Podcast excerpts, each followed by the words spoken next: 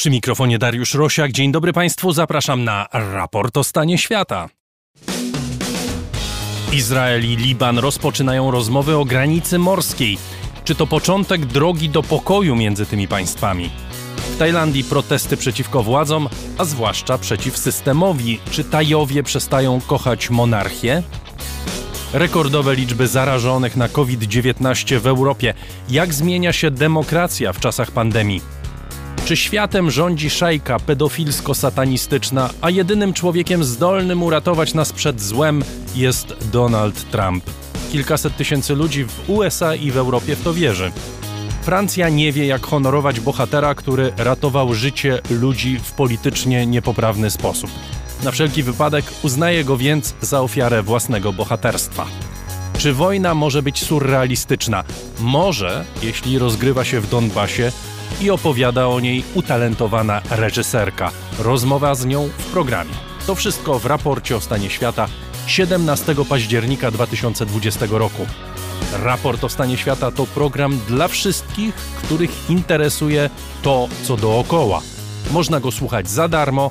Jeśli ktoś ma ochotę, może też zostać patronem raportu i dorzucić wybraną sumę, którą przeznaczymy na produkcję naszego programu. Najłatwiej zrobić to za pośrednictwem serwisu patronite.pl. Wszystkim patronom z serca dziękuję, bo to dzięki Wam mamy już trzy odmiany raportu. Sobotni, środowy raport na dziś i nasze najmłodsze dziecko, raport o książkach, który ruszył w poniedziałek.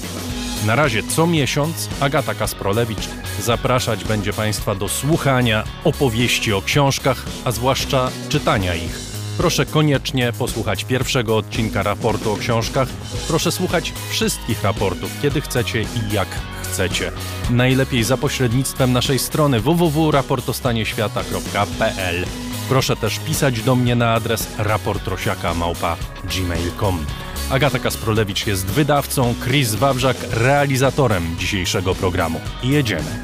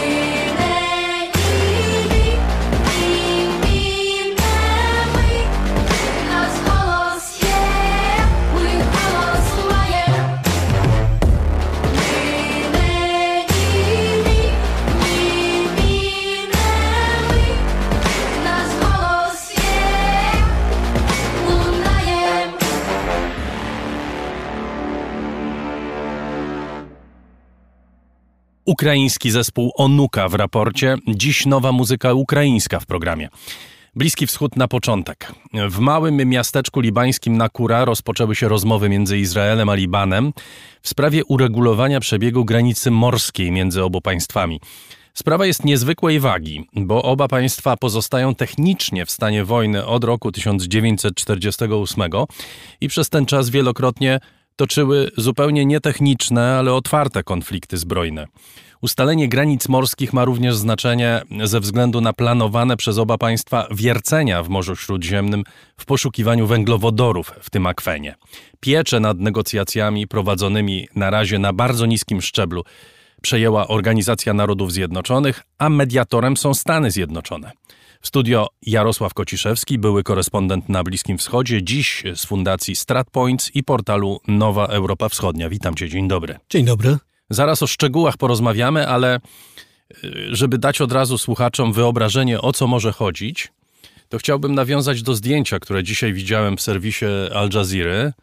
Y, w północnym Izraelu, przy granicy z Libanem, stoi zamaskowana pani. Zamaskowana nie dlatego, że jest złoczyńcą, tylko dlatego, że mamy COVID.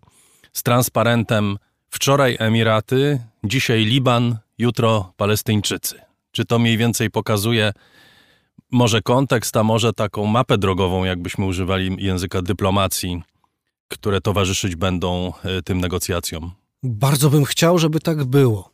Żeby to było rzeczywiście nowe otwarcie, e, które spowoduje, że będzie można w ciągu dwóch godzin jadąc samochodem przenieść się z Tel Awiwu do Bejrutu. Dwa bardzo fajne miasta, które bardzo lubię e, i ale tam nie jesteśmy. To nie tak prosto, e, bo w grę w tej chwili wchodzą wyłącznie pieniądze. I to pieniądze ogromne. E, wspomniałeś o węglowodorach, o gazie naturalnym, którego jest bardzo, bardzo dużo we wschodniej części e, Morza Śródziemnego, pod dnem tak dużo, Rosjanie się tym interesują, bo e, jeżeli krajom regionu uda się porozumieć i eksportować go do Europy, to się okaże, że przełamią w dużej mierze rosyjski monopol. I bardzo zainteresowani tym gazem są oczywiście Izraelczycy i Libańczycy. Izraelczycy mają swoje poza, pola gazonośne. Liban chciałby zacząć wiercić e, w polu, to się Block 9 nazywa, taki kwartał e, czy strefa dziewiąta. Natomiast problemy z wyznaczeniem granicy morskiej powodują, że i Izraelczycy, i Libańczycy roszczą sobie prawa do mniej więcej 330 km kwadratowych morza e, i nikt nie może w związku z tym zacząć tam wiercić. To wynika z historii demarkacji granic. Izraelczycy umówili się z Cyprem, gdzie przebiega granica, od niej liczy się granica Libanu. Spór. E, ale to jest bardzo ważne, bo to jest 2011 rok, trwa to dekadę, prawda? To znaczy, dobrze by było, żebyśmy cofnęli się do tego momentu, bo mm, od strony technicznej y, Oczywiście to wszystko jest polityką, ale od strony technicznej jednak oni od czegoś zaczynają, prawda? Jest ten kawałek, o którym mówisz, wyznaczone na podstawie umowy między Izraelem a Cyprem, której Liban nigdy nie zaakceptował w gruncie rzeczy, prawda? Tutaj chodzi o pewien istotny kawałek morza, może nie bardzo duży, ale symbolicznie rzecz biorąc, wszystko, co się dzieje na linii Liban-Izrael jest ważne. I o to się toczy ten spór. Spór się toczy dokładnie o ten mały kawałek morza, który może pomóc zarobić wielkie pieniądze albo zablokować zarobienie wielkich pieniędzy. Również może być fantastycznym kasus belli i powodem do starć. To jest dokładnie tak jak kilka hektarów masywu e, góry Hermon, e, która e, albo należy do Izraela, albo do Libanu, albo do Syrii i tak naprawdę jest spornym terytorium, który pozwala Hezbollahowi twierdzić, że Izrael nie wycofał się z Libanu. Tutaj również mamy sytuację, w której jest przedmiot sporu, który powoduje, że jedną z podstawowych inwestycji Izraela oprócz platform wiertniczych są nowoczesne korwety, żeby ich bronić. A z drugiej strony libański Hezbollah, który e, kupuje rakiety do niszczenia okrętów, które również zagrożą e, tym platformom. Ale to jest ten stary wymiar konfliktu, który świetnie znamy. To znaczy, Izraelczycy i Hezbollah są w stanie zrobić sobie krzywdę. Bez wątpienia. Czy na morzu, czy na lądzie, jedni i drudzy uzbrojeni po zęby, umieją tej broni używać, nieraz udowodzili. Natomiast sytuacja na Bliskim Wschodzie rozwija się, nie jest stabilna. Mamy do czynienia z Libanem, krajem, który ja określam trwale upadłym. To państwo funkcjonuje nie tak jak państwa europejskie, w oparciu o prawa, umowy, tylko w oparciu o deale, tak naprawdę, między mniejszościami, między partiami, między milicjami. E, I to państwo w tej chwili przeżywa ogromny kryzys. Którego kulminacją czy symbolem było to, co się wydarzyło w porcie na początku sierpnia, prawda? Tak w porcie jest. bejruckim Tak wielka jest. eksplozja, Tak jest. w E, której ale, zginęło 190 osób. Ale takich eksplozji, wypadków na mniejszą Co skalę chwila jest słyszymy. więcej. Zresztą my w ogóle o tym nie informujemy, ale takie eksplozje właściwie to jest zupełnie niezwykłe, bo Liban Co wy, wygląda na to, że tam co kilka dni eksploduje coś. Tak, jakiś I zbiornik z dwoje- gazem, jakaś dwoje, troje infrastruktura. ludzi. Tak, poza tym są milicje, które znowu zaczynają do siebie strzelać. e, Rodzinne spory e, przeradzają się w kilkugodzinne bitwy.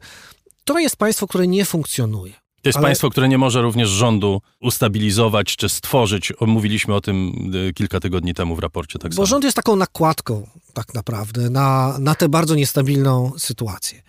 I teraz pojawia się szansa, żeby zarobić gigantyczne pieniądze. Czy dla stron tych w Libanie, dla mniejszości, dla partii, ale także pieniądze, które mogłyby zmienić to państwo. Mogłyby spowodować, że zacznie mieć sens posiadanie rządu, który jakoś to będzie dystrybuował. Oczywiście jest to bardzo, bardzo trudne. E, Na to nakłada się konflikt regionalny, bo pytanie, na ile na przykład Hezbollah rzeczywiście do jakiego stopnia reprezentuje tę ogromną społeczność szyitów libańskich, a na ile jest narzędziem w rękach Iranu.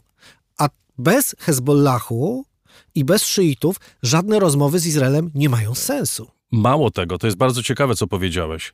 To znaczy, że Hezbollah musiał się zgodzić również na to, że dochodzi do spotkania właśnie w Nakurze na bardzo niskim szczeblu, ale jednak do spotkania, o którym poinformował e, jeden z sojuszników Hezbollaha, czyli e, przewodniczący parlamentu libańskiego. Hezbollah, który znajduje się na liście sankcyjnej e, Stanów Zjednoczonych. Dlaczego szyici, dlaczego Hezbollah godzi się na to w tej chwili? I tu wracamy troszeczkę do tego, o czym mówiłeś, że e, do, do technicznych kwestii, umowy, e, demarkacji granic. Tak naprawdę te kwestie techniczne i formalne tutaj mają mniejsze znaczenie. Jesteśmy na Bliskim Wschodzie, świecie kupieckim, świecie deali. I teraz, w momencie, kiedy Hezbollah również widzi, co się dzieje w państwie, Hezbollah jako najpotężniejsza organizacja w kraju, przez wielu Libańczyków obarczany jest odpowiedzialnością za upadek państwa. W związku z tym Hezbollah też jest zainteresowany tym, żeby coś się działo, żeby jakoś ten marazm przełamać. To znaczy też Hezbollah powiedzmy nie może, wprost, żeby, żeby jakieś pieniądze wpłynęły do Libanu, prawda? Ależ oczywiście, że tak. E, Cała strategia, w którą część Libańczyków wierzyła, strategia Macrona, prawda, że Francuzi owszem pomogą, ale będą kontrolowali przepływ tych pieniędzy. To nie zadziałało kompletnie, to zostało odrzucone między innymi przez stanowisko Hezbollaha, e, a zatem może Hezbollah po prostu zwraca się w kierunku Amerykanów i mówi, dobrze, my jesteśmy w stanie pojechać kawałek z wami. Nie tak daleko, nie tak daleko. To znaczy, oczywiście Hezbollah ma problem polegający na tym, że główny patron, Iran, ma potężne problemy sankcyjne, Covidowe. z COVID-em i tak dalej, i tak dalej. Przestaje, może przestać być w stanie e, finansować działalność Hezbollahu. Ale Hezbollah nie może powiedzieć, to porozmawiajmy z Izraelem. Stąd to spotkanie w Nakurze, ono nie odbyło się na bardzo niskim szczeblu, na takim dosyć niskim, ale ono sprawia wrażenie spotkania rutynowego. Takie spotkania mają miejsce.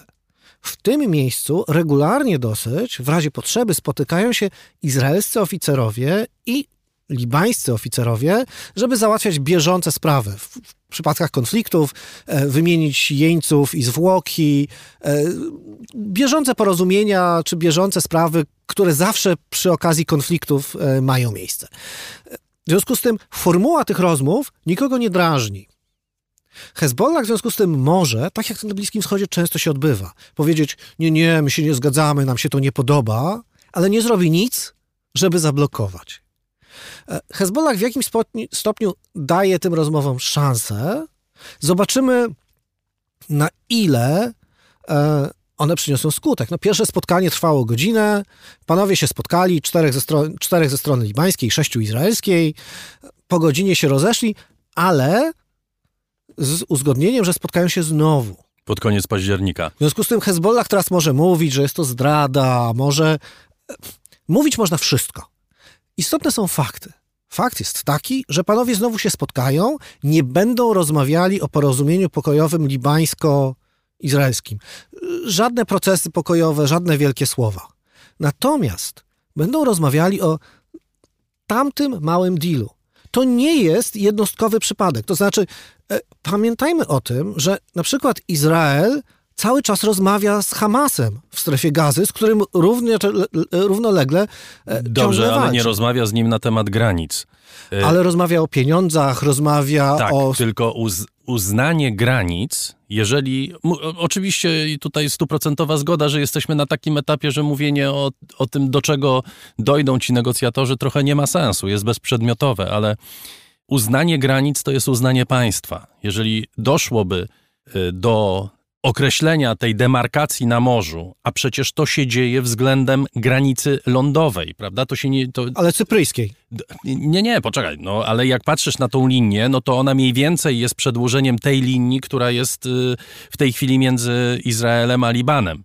I uznanie granic to jest uznanie państwa. Oczywiście, że to jest bardzo daleko posunięta przyszłość. Absolutnie tak. I to jest jeden z argumentów, takie, ta, taka właśnie iskierka nadziei, że jeżeli Hezbollah pozwoli na to, to może będziemy mówili o jakimś otwarciu, które pozwoli w przewidywalnej bardziej lub mniej przyszłości wykonać jakiś kolejny krok. Natomiast to jest Bliski Wschód. Tutaj rzadko rzeczy są zero-jedynkowe. To znaczy, fakt uznania granic na morzu może zostać przedstawiony w taki sposób, że Hezbollah dalej będzie twierdził, że nie uznaje istnienia Izraela. Izraela, e, bo jakaś formuła bardziej lub mniej pokrętna zostanie wymyślona. Dobrze, rozmawiamy o szczegółach, liczymy drzewa, to może byśmy popatrzyli przez moment na las. Zwłaszcza może to zainteresować słuchaczy, którzy nie tak doskonale jak ty znają Bliski Wschód. Dlaczego Libańczycy, czy Liban i Izrael tak bardzo się nie lubią? A bardzo się nie lubią? Bo ja będąc w jednym i drugim kraju nie zauważyłem, żeby się nie lubili tak bardzo. No to e... wiesz, no ja nie pytam o to, czy ludzie się lubią, bo ludzie to może się lubią. Wszyscy ludzie się lubią, zależy kogo spytać. Natomiast no to jest kraj, który regularnie ze sobą walczy i dokonuje rzezi yy, wzajemnych. To jest historia Bliskiego Wschodu oczywiście. Setki e, lat wzajemnych przyjaźni, wzajemnych rzezi. Każdy z każdym w którymś momencie się lubi albo z kimś walczy to jest konflikt izraelsko-libański, jest tak naprawdę pokłosiem dłuższej historii. Izraelczycy w tej chwili z Libańczykami nie mają na przykład sporu terytorialnego. E, kilka hektarów farm Szeba i 330 kilometrów e, spornego morza. To jest drobiazg. Natomiast mówimy o zaszłościach. Pierwszy proces pokojowy, ten z lat 90., który zakończył się na północnej granicy Izraela fiaskiem, e, przede wszystkim obejmował Syrię. Liban w tym czasie był nadal okupowany przez Syrię. E, w związku z tym e, był Liban częścią rozmów z Syrią, która się nie powiodła. Hezbollah prowadził wojnę z Izraelem, prowadzi nadal. Natomiast od lat 80. był głównym ruchem oporu e, wobec izraelskiej okupacji południowego Libanu, która zakończyła się w roku 2000. Ale chwilę wcześniej, e, w momencie, kiedy Izraelczycy wkraczali w 1982 roku do Libanu, e, szyici się cieszyli. Popierali Izrael, e, sądząc, że Izraelczycy pomogą im e, pozbyć się palestyńskiej okupacji. I może dlatego OWP. trzeba by się cofnąć nie do 80., tylko jeszcze do 70. lat, albo jeszcze wcześniej, prawda? To nie ma końca. E, W tej chwili To Hezbollah znaczy do jest... czasu, kiedy tam się pojawiły tysiące Palestyńczyków. Tak, ale to możemy też I dalej iść w przeszłość. I dowództwo y, pod kierunkiem Arafata Organizacji Wyzwolenia I Palestyny. czarny prawda? wrzesień, czyli mówimy o połowie lat e, 70. Natomiast w tej chwili, bo to jest wszystko historia, to znaczy e, bliskowschodnią historię zawsze możemy coraz bardziej się zagłębiać i coraz bardziej ją gmatwać. Natomiast istotna jest obecna historia, w której Hezbollah jest bardzo bliskim sojusznikiem Iranu. To jest społeczność szyicka. E, Iran prowadzi przez właśnie organizacje typu Hezbollah e, wojnę z Izraelem. I teraz to, co się dzieje teraz, ta historia z Morzem Śródziemnym, dopływ pieniędzy, może szansa na wzmocnienie państwa libańskiego, daje jakiś cień nadziei na zmianę tego układu sił, na zmianę tej, e, tego układu, w którym Iran jest sponsorem największej, najsilniejszej grupy etnicznej w Libanie, za co, e, czy, czy, czy dzięki czemu ma kartę przetargową w walce z Izraelem. Jeżeli teraz szyici, Libańczycy, e, w jakiś sposób by się uniezależnili, wtedy jest szansa na nowe otwarcie. Znaczy na Bliskim Wschodzie nie takie rzeczy się działy. Dobrze, to wróćmy na koniec do tego zdjęcia, od którego zacząłem. Wczoraj Emiraty, po drodze jeszcze Bahrajn, dzisiaj Liban. Za szybko. Zaczynają się rozmowy, które wymyślił Donald Trump, a zwłaszcza jego zięć. Czy to zaczyna nam się układać w jakiś obraz? Oczywiście nie realizacji tego planu w sensie finalnym, ale jednak przebiegu planu, który y, no, przez wielu, powiedzmy sobie szczerze, jeszcze rok temu, czy ponad rok temu, w czasie warszawskiej konferencji, kiedy to tak naprawdę było finalizowane, y, wielu ekspertów uważało za kompletną mrzonkę, za coś absolutnie niemożliwego. ja nadal nie widzę tego jako konsekwencję planu. Bardziej z mojej perspektywy jest to skutek bardzo jednostronnej polityki Stanów Zjednoczonych i tego, że Stany Zjednoczone wycofują się z Bliskiego Wschodu, stawiając jednoznacznie na Izrael z przyczyn wyborczych amerykańskich, e, co powoduje ruch w regionie. Wstrząs tektoniczny, porównywalny z tym, co się działo po rozpadzie Związku Radzieckiego. I teraz w świecie, tym świecie kupieckim, bliskowschodnim, państwa, organizacje, przywódcy zaczynają kalkulować. W związku z tym e, te porozumienia, moim zdaniem, są nie tyle skutkiem jasnej strategii amerykańskiej, co wynikiem adaptacji państw regionu czy przywódców do zmieniających się warunków. Jeżeli skutek będzie taki, że rzeczywiście kolejne państwa arabskie porozumieją się z Izraelem, Arabia Saudyjska w pewnym momencie porozumie się z Izraelem. Eksperci izraelscy twierdzą, że nie nastąpi to dopóki król Salman żyje. E, Ale następca tronu, Muhammad bin Salman, jest w stanie się porozumieć. Może idąc dalej, również Palestyńczycy znajdą na siebie inny pomysł niż dotychczas. To może się okazać, że ta nieudolna polityka bliskowschodnia Stanów Zjednoczonych przyniesie dobry skutek. Bo nikt nie jest w stanie powiedzieć, że Stany Zjednoczone rzeczywiście wymyśliły spójny plan na Bliskim Wschód. On się realizuje, czy Bliski Wschód się zmienia dlatego, że jest tam, jest tam bardzo dużo bardzo bystrych ludzi, którzy po prostu umieją i liczyć, i umieją się adaptować do warunków i wiedzą, że również z wrogiem się rozmawia, albo przede wszystkim no, nie rozmawia się, nie prowadzi się rozmów pokojowych z przyjacielem. W związku z tym wszystkie opcje są dostępne i jeżeli ten namiot z niebieskim dachem w Nakurze e, jest zwiastunem porozumienia izraelsko-libańskiego, oby tak było, tylko się cieszyć możemy. Jarosław Kociszewski, były korespondent na Bliskim Wschodzie, dziś Fundacja StratPoints i portal Nowa Europa Wschodnia. Był gościem raportu o stanie świata. Dziękuję bardzo. Dziękuję.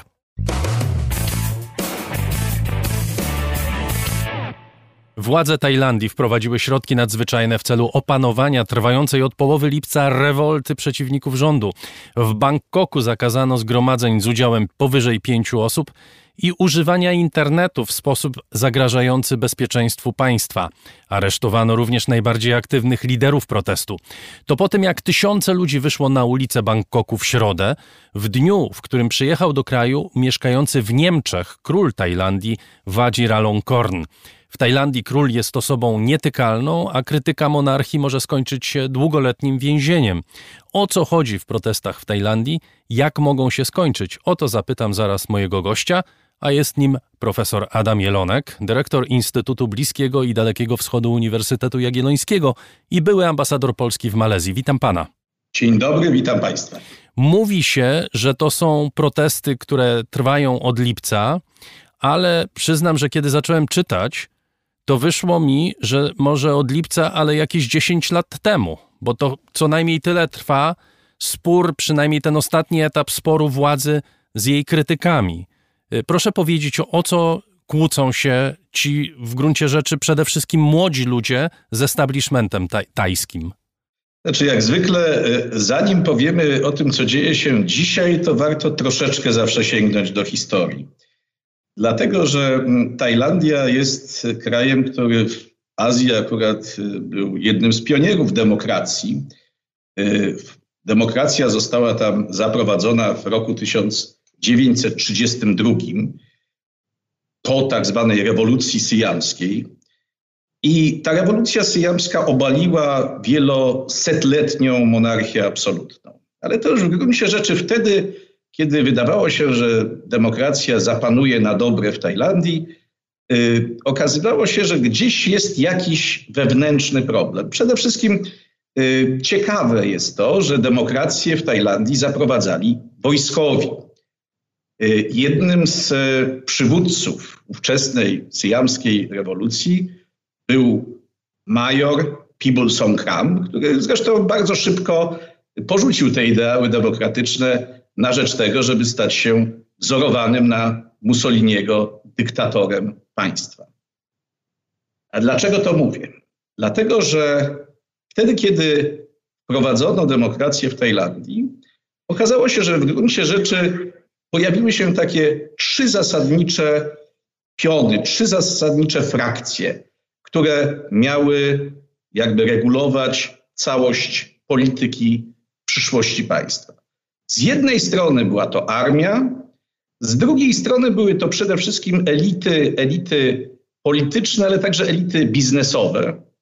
A z trzeciej strony jednak cały czas niby z tyłu, pozostawał dwór królewski i król.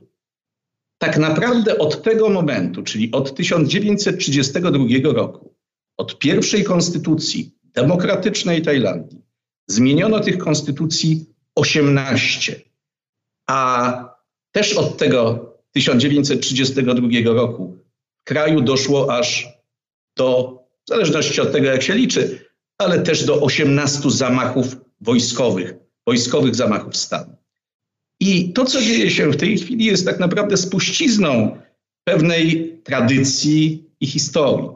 W Tajlandii te poszczególne elementy elit czy establishmentu politycznego okresowo wchodzą ze sobą w konflikt. No i te konflikty oczywiście najczęściej kończą się na ulicach, na ulicach Bangkoku. Czasem te zamachy stanu są wyjątkowo pokojowe, ja pamiętam jeden z takich zamachów stanu, gdzie w gruncie rzeczy z wyjątkiem tego, że pojawił się jeden czołg przed parlamentem w Bangkoku, nic więcej się nie działo. Ale niektóre z tych zamachów stanu kończą się tragicznie. W 1976 roku ponad 100 też protestujących studentów na jednym z bangkokskich uniwersytetów zginęło właśnie z rąk wojska, policji i prawicowych bojówek. Także to ostatnie 10 lat to tylko pewien niestety dramatyczny epizod bardzo długiej i bardzo przykrej historii Tajlandii, którą znowu postrzegamy bardzo często przez pryzmat taki bardzo cukierkowy. Turyści z Europy i ze Stanów Zjednoczonych, także z Polski, przyjeżdżają na plażę, oglądają Bangkok, oglądają y, szmaragdową świątynię i w gruncie rzeczy jakby nie dostrzegają tego, że społeczeństwo jest rozdarte wewnętrznymi konfliktami. Ten ostatni etap, jak rozumiem, trwa mniej więcej od 2014 roku, kiedy miał miejsce ostatni zamach stanu, po którym obecny premier przejął władzę, zmienił swoje otoczenie w rząd cywilny. W ubiegłym roku znowu wygrał wybory. Opozycja twierdzi, że je sfałszował. On stoi w centrum zarzutów tego tłumu, który wychodzi na ulicę Bangkoku. Tak, to jest y, y, historia tego ostatniego, y, ostatniego epizodu. Rzeczywiście zaczyna się, no powiedzmy, w roku 2014, kiedy dochodzi do ostatniego zamachu stanu. Na czele tego zamachu stanu staje generał Prajut. Człowiek, który w gruncie rzeczy no jest Trudno powiedzieć o nim y, cokolwiek dobrego. Właściwie można powiedzieć tylko złe rzeczy.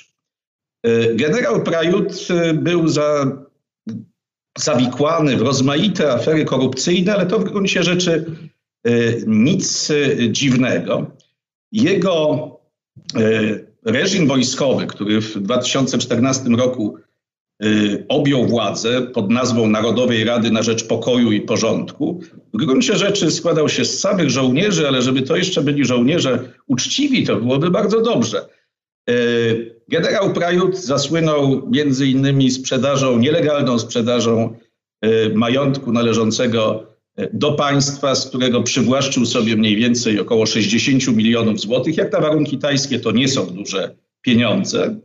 Y, ale w jego gabinecie znalazły się osoby oskarżone wprost o handel narkotykami, handel żywym towarem, y, y, czerpanie zysków z prostytucji.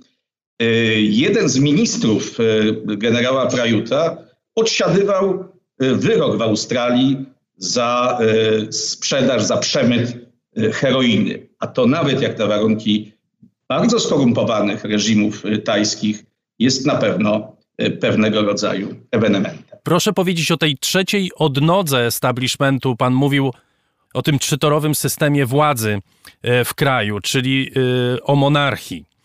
Tajlandia jest monarchią konstytucyjną, prawda? I do niedawna nawet osoby takie jak ja, które miały mierne pojęcie na temat tego kraju, wiedziały jedno, mianowicie, że król jest tam autentycznie ceniony, żeby nie powiedzieć wielbiony przez ludzi. Mówimy zwłaszcza o królu Bumibolu, prze ojcu obecnego króla. Dlaczego wśród postulatów ludzi na ulicy pojawia się reforma monarchii i to wyrażana, ten postulat wyrażany jest w bardzo zdecydowany, w bardzo ostry sposób? To znaczy, poprzedni władca e, Tajlandii, e, król Rama IX generalnie mm, uchodził za człowieka, który stabilizował system polityczny. Y, to nie jest oczywiście do końca prawda, że on do, był osobą idealną że stawał zawsze po stronie biednych i uciśnionych, jak próbuje się budować y, w tej chwili taki jego wizerunek. Niestety jego syn, obejmując władzę, obejmował ją y, w takim klimacie dość y, niesympatycznym, ponieważ y, właściwie jako następca tronu, już uznany następca tronu, był człowiekiem, który zasłynął właściwie wyłącznie ze skandali. On rzeczywiście mieszkał głównie za granicą, prowadził wyjątkowo hulaszczy tryb życia, miał w sumie cztery żony, Chwalił się, że ma y, tysiące kochanek, y, nie stronił od alkoholu i od narkotyków. W związku z tym, w momencie, kiedy on obejmował władzę, już było wiadomo, że nie jest to taki władca, na którego y, ludzie, zwłaszcza na prowincji, ci wierzący w boskość króla, wyczekali. Natomiast Jego sytuacja nawet uległa pogorszeniu, to znaczy jego popularność w społeczeństwie spadła z kilku przyczyn. Przede wszystkim król z racji swojej, swojej pozycji i takiego jakby boskiego nimbu, którego zawsze otaczał, nie angażował się bezpośrednio w politykę. Zawsze uważał, że jego poprzednik, jego ojciec angażował się w politykę tylko w wyjątkowych sytuacjach. Wtedy, kiedy dochodziło do jakiegoś szczególnego kryzysu w państwie. Natomiast akurat następca tronu, król Wadziralan Korn, Y, postanowił znacznie aktywniej włączyć się w politykę, troszkę budując taki sojusz właśnie z wojskiem i z szefem tej hunty wojskowej, generałem Prajutem. Do czego ten sojusz doprowadził? No przede wszystkim do tego, że kiedy były te wybory w 2019 roku, wybory uznane rzeczywiście przez opozycję, ale nie tylko, bo też przez obserwatorów międzynarodowych za delikatnie mówiąc nie do końca uczciwe, a mówiąc wprost sfałszowane, to król po raz pierwszy właściwie w historii monarchii konstytucyjnej zabrał głos i wezwał do głosowania na tak zwanych dobrych ludzi. A dobrzy ludzie to byli właśnie przedstawiciele y, partii, która nosi taką piękną nazwę Ludowej Partii Władzy Państwowej, czyli partii tak naprawdę zdominowanej przez E, wojsko i zdominowanej przez e, ten znienawidzony reżim generała Prajuta. To był jeden element, ale to nie wszystko, bo król również dokonał ruchu, którego nie musiał dokonywać. Władca w Tajlandii zawsze należał do jednych z najbogatszych ludzi na świecie. Ale najwyraźniej królowi Tajlandii to nie wystarczało. Nieruchomości w Bangkoku, nieruchomości w całym kraju, które i tak należały do rodziny królewskiej, znajdowały się pod zarządem tak zwanego Biura Własności Korony. To Biuro Własności Korony było takim aparatem powierniczym. Wielu ludzi uważało, że oczywiście ta własność należy do monarchy, ale jednak ma jakby pewien wymiar publiczny. Y, król postanowił jakby zabrać to, co teoretycznie do tej pory do niego należało. No i w gruncie rzeczy od tego momentu, czyli od y, roku 2019, y, pobił swoich konkurentów, najbogatszych władców świata. Do tej pory najbogatszym władcą świata był sułtan Brunei Bolkiach y, z majątkiem szacowanym na mniej więcej 20 miliardów dolarów. Teraz najbogatszym władcą świata jest właśnie król Tajlandii. 30 miliardów dolarów.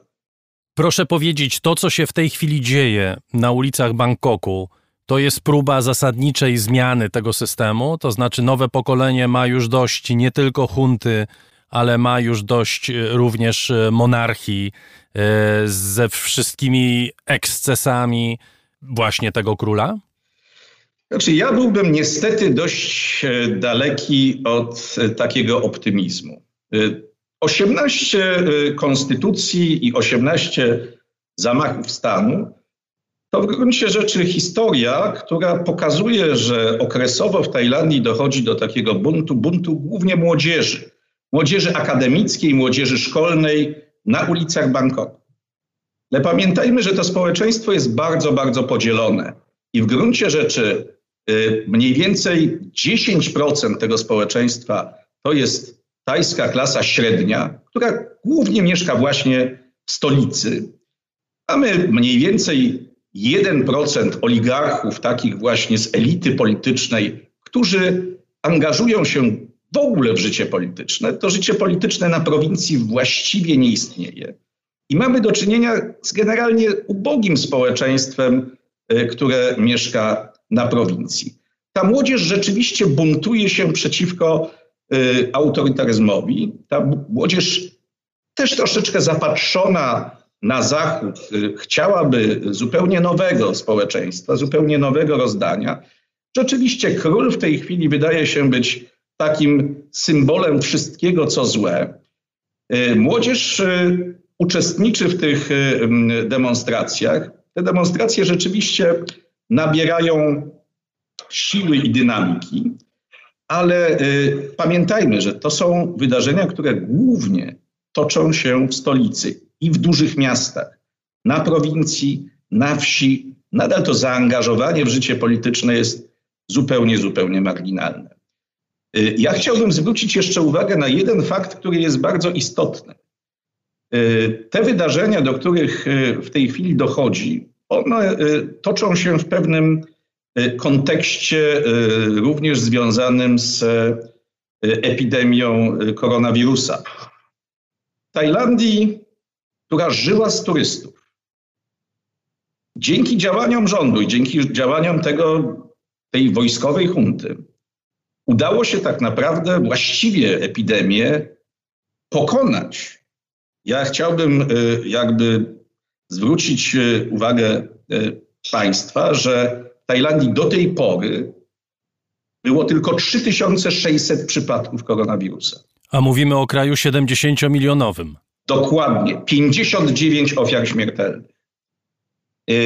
Rzeczywiście wprowadzono drakońskie kary drakońskie rozwiązania związane z lockdownem, właściwie zamknięto kraj dla turystów. Spowodowało to właściwie zupełny paraliż gospodarki. Ta gospodarka jest w tej chwili w sytuacji tragicznej. Spadek y, PKB o blisko 7%, masowe bezrobocie, no i brak głównego źródła dochodów.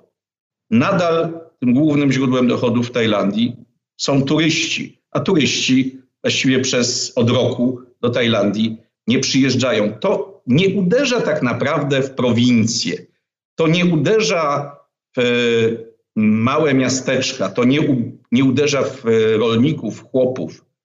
To uderza przede wszystkim w tą tajską klasę średnią.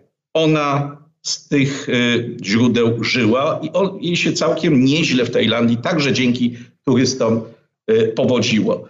Y, te rozwiązania zresztą, które mm, wprowadziła junta generała Prajuta, y, wielokrotnie były wykorzystywane też do walki z opozycją. No na przykład podczas ostatnich demonstracji wiele osób zostało oskarżonych bezpośrednio nie o jakby walkę polityczną na ulicach, ale o rozprzestrzenianie wirusa albo o tworzenie zagrożenia dla zdrowia publicznego. W związku z tym te wszystkie wydarzenia się właściwie ze sobą splatają. I ten upadek gospodarczy kraju spowodowany epidemią jest też jedną z ważnych, często pomijanych przyczyn ostatnich wydarzeń. Bardzo dziękuję. Profesor Adam Jelonek, dyrektor Instytutu Bliskiego i Dalekiego Wschodu Uniwersytetu Jagiellońskiego, były ambasador Polski w Malezji, był gościem raportu o stanie świata. Dziękuję bardzo serdecznie. І повзеліний човен, і гуркоче, і бурчить. Відки взявся, я не знаю, чим прийдеться закінчить. Хвиля радісно плюскоче, та листиться до чумна, Мов дитя цікаво шепче. і розпитує вона, хто ти човне, що шукаєш, відки і куди пливеш, і за чим туди шукаєш, що пробув, чого ще ждеш, біг мій вічний, то же не знаю, пиля носить, буря реве, скали грозять, надять, просять к собі береги. Мене,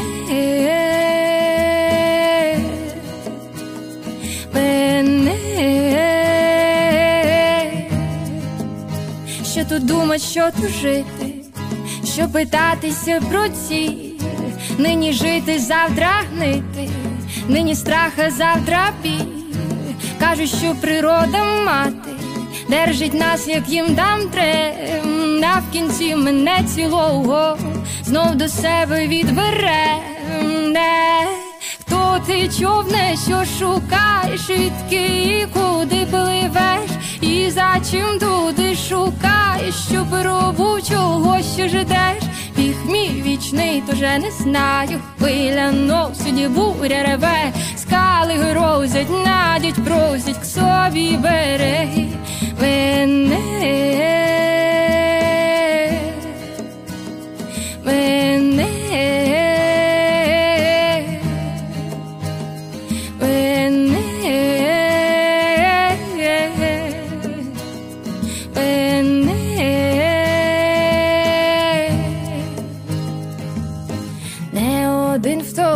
Втонув тут човен, та не кожний же втонув. Хоч би й дев'ять не вернуло, то десятий повернув. А хто знає, може в бурю іменно спасешся ти. Може іменно тобі сяв десь до цілі доплести. Може, іменно тобі ся десь до цілі доплести. Може, іменно тобі ся десь до цілі доплести. Може, іменно тобі ся десь до цілі доплести. Може, іменно тобі ся десь до цілі доплести. Може, іменно тобі ся десь до цілі доплести. Може, іменно тобі ся десь до цілі доплести. Може, іменно тобі ся десь до цілі доплести. Zespół Odin w kanoe prowadzi nas do stałego, ale proszę mi wierzyć, wcale nie rutynowego punktu programu. Dziękuję wszystkim za to, że jesteście.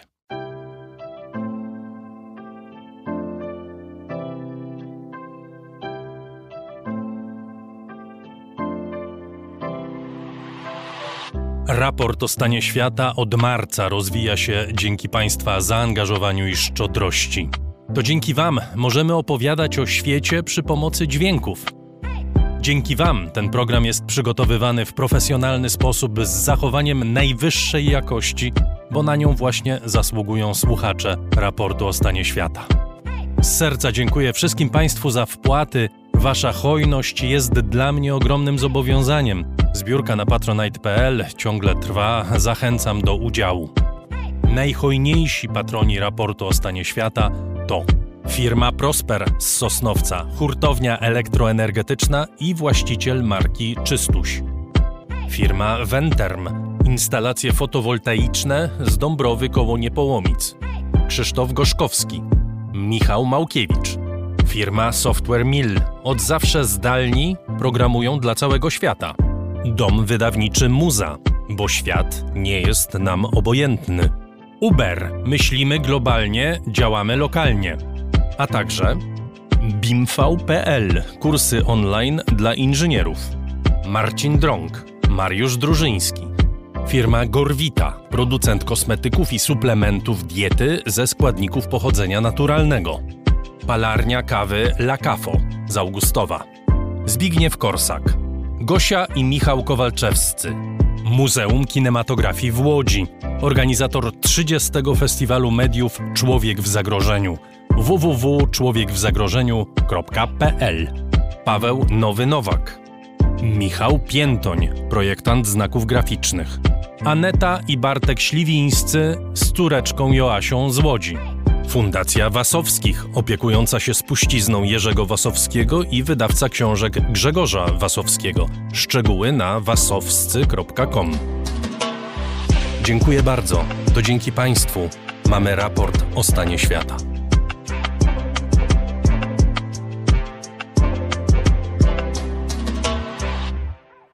Dramatycznie rozwija się pandemia, zwłaszcza w krajach europejskich. Rosną liczby osób zarażonych, rośnie liczba zgonów spowodowanych COVID-19.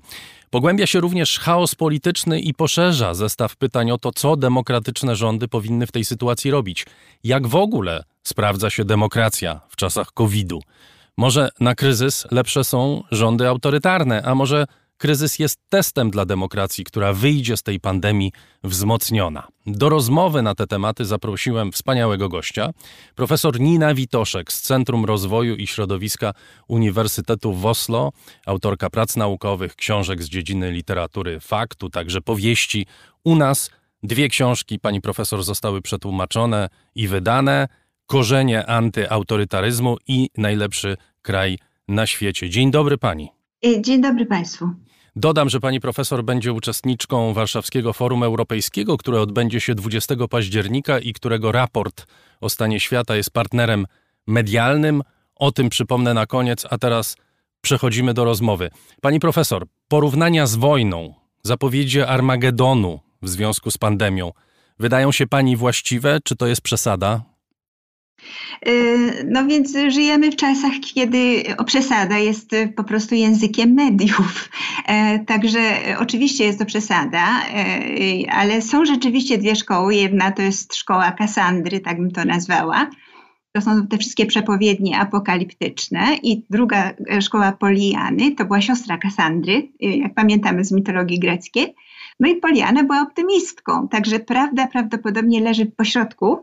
I tak jak pan powiedział, że e, pandemia może być pandemia połączona z kryzysem e, klimatycznym, a może nawet jeszcze bardziej z kaskadą kryzysów, które nas w tej chwili gnębią, to znaczy kryzys klimatyczny, prawda, kryzys migracyjny, kryzys nierówności, kryzys współpracy i tak dalej to są rzeczy, które, które się razem ze sobą łączą, nakładają i wzmacniają. I dlatego e, ja mam trochę e, taką wizję, która się, która się pokrywa z punktem widzenia Woody Alana, który kiedyś powiedział, że w dzisiejszych czasach ludzkość stoi na rozdrożu, mamy do wyboru tylko dwie drogi. Jedna prowadzi do apokalipsy kompletnej, a druga do zagłady. Musimy być mądrzy i wybrać tę lepszą drogę.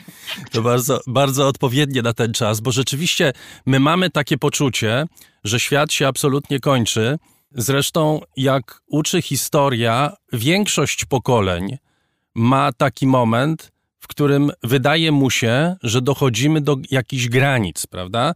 To znaczy, jeżeli my popatrzymy na to, co e, nam się dzieje i porównamy nasze doświadczenie z doświadczeniem w niektórych wypadku rodziców czy dziadków, to znaczy ludzi, którzy przeżyli II wojnę światową, to porównania są absurdalne. To znaczy, nie ma to absolutnie żadnego sensu, żebyśmy porównywali to, co się z nami dzieje, z tym, co przeżyli ludzie y, pokolenia Kolumbów, umownie rzecz biorąc, jeśli mówimy o polskim doświadczeniu, prawda? Ludzie urodzeni na początku XX y, wieku. A mimo to my w to wchodzimy. Pani myśli, że to jest kwestia mediów, y, że my nie umiemy znaleźć języka na określanie po prostu własnego doświadczenia, że ten język mediów stał się tak skrajny, że, że pozbyliśmy się narzędzi do racjonalnej rozmowy?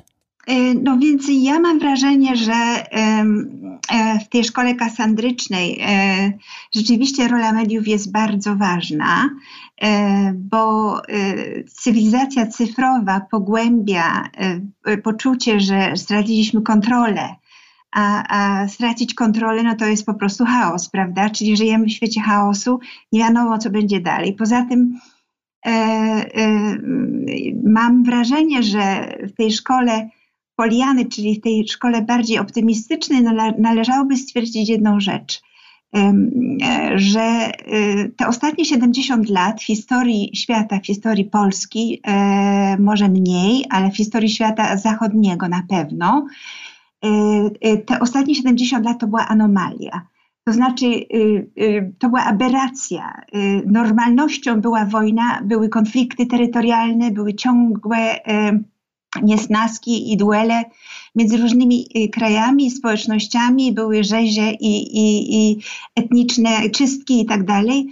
E, to było w zasadzie wyjątkiem w, w krajach zachodniej demokracji w ostatnich 70 latach.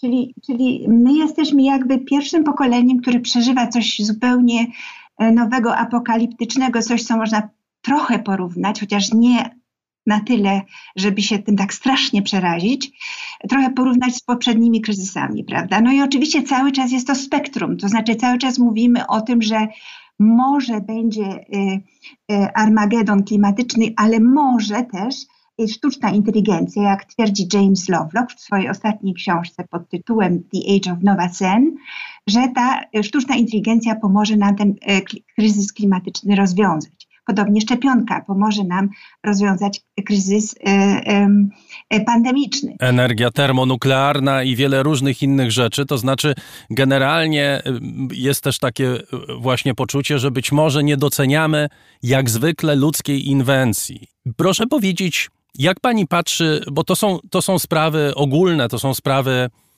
dotyczące powiedzmy sobie filozoficznej interpretacji tego, co się dzieje w tej chwili, ale jeżeli zejdziemy niżej, zejdziemy na poziom społeczny, nam się wydawało przy tej pierwszej fali, przynajmniej niektórym, że polityka jakoś zostanie zawieszona, że my jesteśmy tak przerażeni, że te pewne procesy polityczne nie będą się odbywały.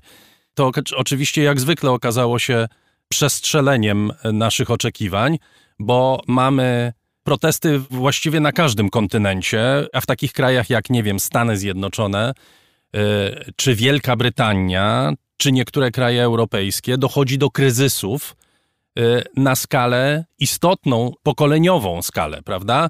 To znaczy, jak sobie demokracja, Pani zdaniem, radzi w tej sytuacji? Jak demokracje, demokratyczne rządy radzą sobie w czasach COVID-u? E, ja e, osobiście e, zgadzam się z Anną Applebaum, która pisała w Atlantic Monthly o tym, że jak każdy kryzys, pandemia korony czy COVID-19 jest zwierciadłem społeczeństw które atakuje, czyli niektóre przeglądają się w tym zwierciadle i podoba im się to, co widzą. Na przykład Skandynawia, Norwegia przegląda się cały czas i cały czas się chwali, uważa, że całkiem im się udało, ma na jedną z najniższych ma jeden z najniższych wskaźników śmiertelności w Europie i, i zakażeń. E, Szwecja trochę, trochę wyżej i tu się te dwa kraje, powiedziałam, razem ścierają i kłócą i, i rywalizują jak zwykle, ale mimo wszystko sobie radzą. E, I, I nie mówiąc o tym, że umieją ze sobą e, współpracować na tej zasadzie, że różne grupy społeczne, które do tej pory nie nie potrafiły znaleźć wspólnego języka. Weźmy takich na przykład szwedzkich Sferia Demokrata, to jest ta skrajnie, skrajna e, reakcyjna partia. Szwedzcy Szwecja, demokraci, która, tak? Tak, pro, pro, pro, proponująca Szwecję dla Szwedów, prawda? E, nawet ta partia zaczęła rozmawiać z innymi partiami w tej chwili i zaczęła współpracować, czyli uprawiać tak zwany e, mm, skandynawski dugnat. Czyli, czyli demokracja jakby zaczęła odnawiać pewne procesy.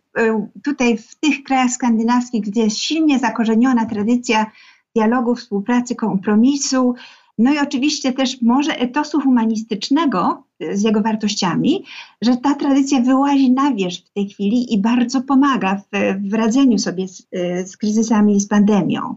Ale czy chciałaby Pani powiedzieć, że na przykład Norwegia jest Przepraszam, ale to by wychodziło, że jedynym chyba krajem na świecie, w którym ludzie są zadowoleni z reakcji władz na COVID?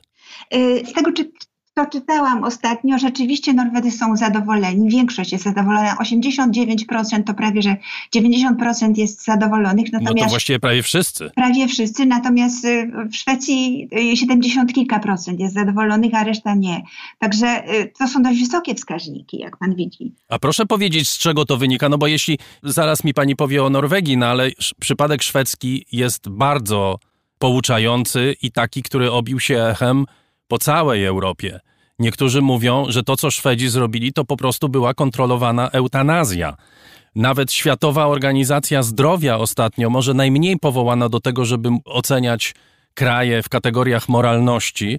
Światowa Organizacja Zdrowia mówi o tym, że próba stworzenia stadnej odporności jest niemoralna, więc przypadek szwedzki jest troszeczkę, troszeczkę inny w tym wypadku, ale, ale mimo wszystko ludzie to popierają, prawda? To, to, to jest, znaczy, widzi pan, tu trzeba trochę historycznego światła rzucić na, na, na, na te dwa kraje, bo one są rzeczywiście, tak jak pan mówi, bardzo fascynujące. W Norwegii jest, y, y, y, powiedziałabym, twarzą e, pandemii jest e, polityk, to jest pani premier Erna Solberg, to jest matka Norwegów. E, z nią się wszyscy bardzo identyfikują i oni wszyscy ufają.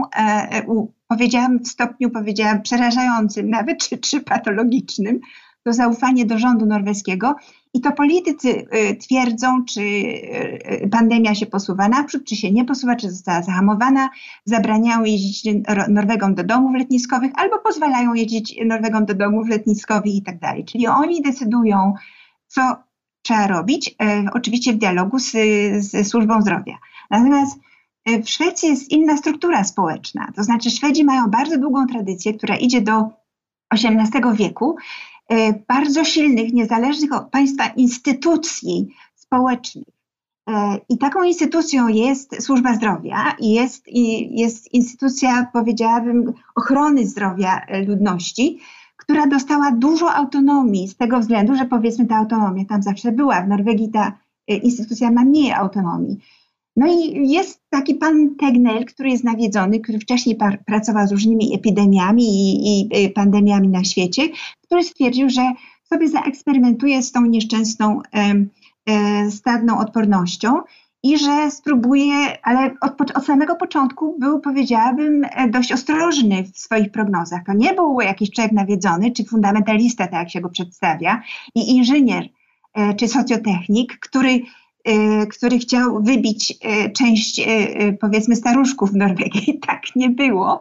To był po prostu człowiek, który dostał bardzo dużo władzy i dużo autonomii i próbował no, metody, która jest trochę niekonwencjonalna E, ale która powiedziałabym e, nie bardzo się sprawdziła w tej chwili, jeśli na przykład chodzi o, o produktywność i o wzrost zakażeń, e, tudzież liczbę śmierci. Czyli w porównaniu z taką Norwegią, na razie pan Tegnell przegrywa, ale jeszcze pamiętajmy, że nie dajmy się zupełnie tutaj zwariować, że ta, ta walka, ta pandemia ciągle trwa że może się okazać, że suma summarum pod koniec, powiedziałabym listopada czy grudnia, to Szwedzi będą się cieszyć, a reszta wpadnie w trzecią falę. Także, także ja bym była bardzo ostrożna. Szwedzki model przez niektórych E, właśnie uznawany jest za dobry. On, te liczby się zmieniają zależnie zmieniają cały czas, jak w kalejdoskopie. Także ja rozmawiam na ten temat notabene e, z moim przyjacielem i dziennikarzem Maćkiem Zerębą, którego prawdopodobnie słuchacze polscy znają, czy, czy, czy, czy czytelnicy. E, I, i, I, kłóciliśmy się na początku, ale w końcu stwierdziłam, że w zasadzie za szybko jest wyciągać jakieś pochopne wnioski. To są kraje, które uruchomiły dwie demokratyczne tradycje i zobaczymy, co z tego wyniknie. Porozmawiajmy trochę o skutkach ubocznych. Czy Pani zdaniem COVID to jest dobry czas dla populistów, rządów autorytarnych?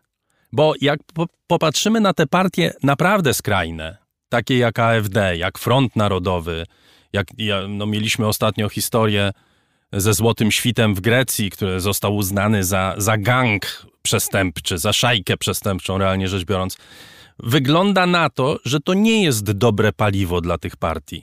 Z jednej strony nie jest, na pewno, e, na pewno e, e, w jakiś sposób uwrażliwia ludzi na to, że już jest tyle chaosu w rzeczywistości, że dodatkowy faszyzm od jakichś tam płynący z, z, ze skrajów danej społeczności czy z jej, jej kontrakultury nie jest specjalnie pomocny w zwalczaniu pandemii. To są te takie, powiedziałabym, mądrzejsze społeczeństwa ale są też społeczeństwa, które są kompletnie ogłupione, wydaje mi się, nawet sparaliżowane.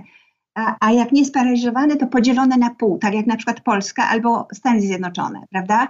Mamy kompletną polaryzację, jeśli chodzi o wartości e, i wyznawane, e, e, powiedziała, wyznawany etos społeczny, i, ale też stosunek do pandemii.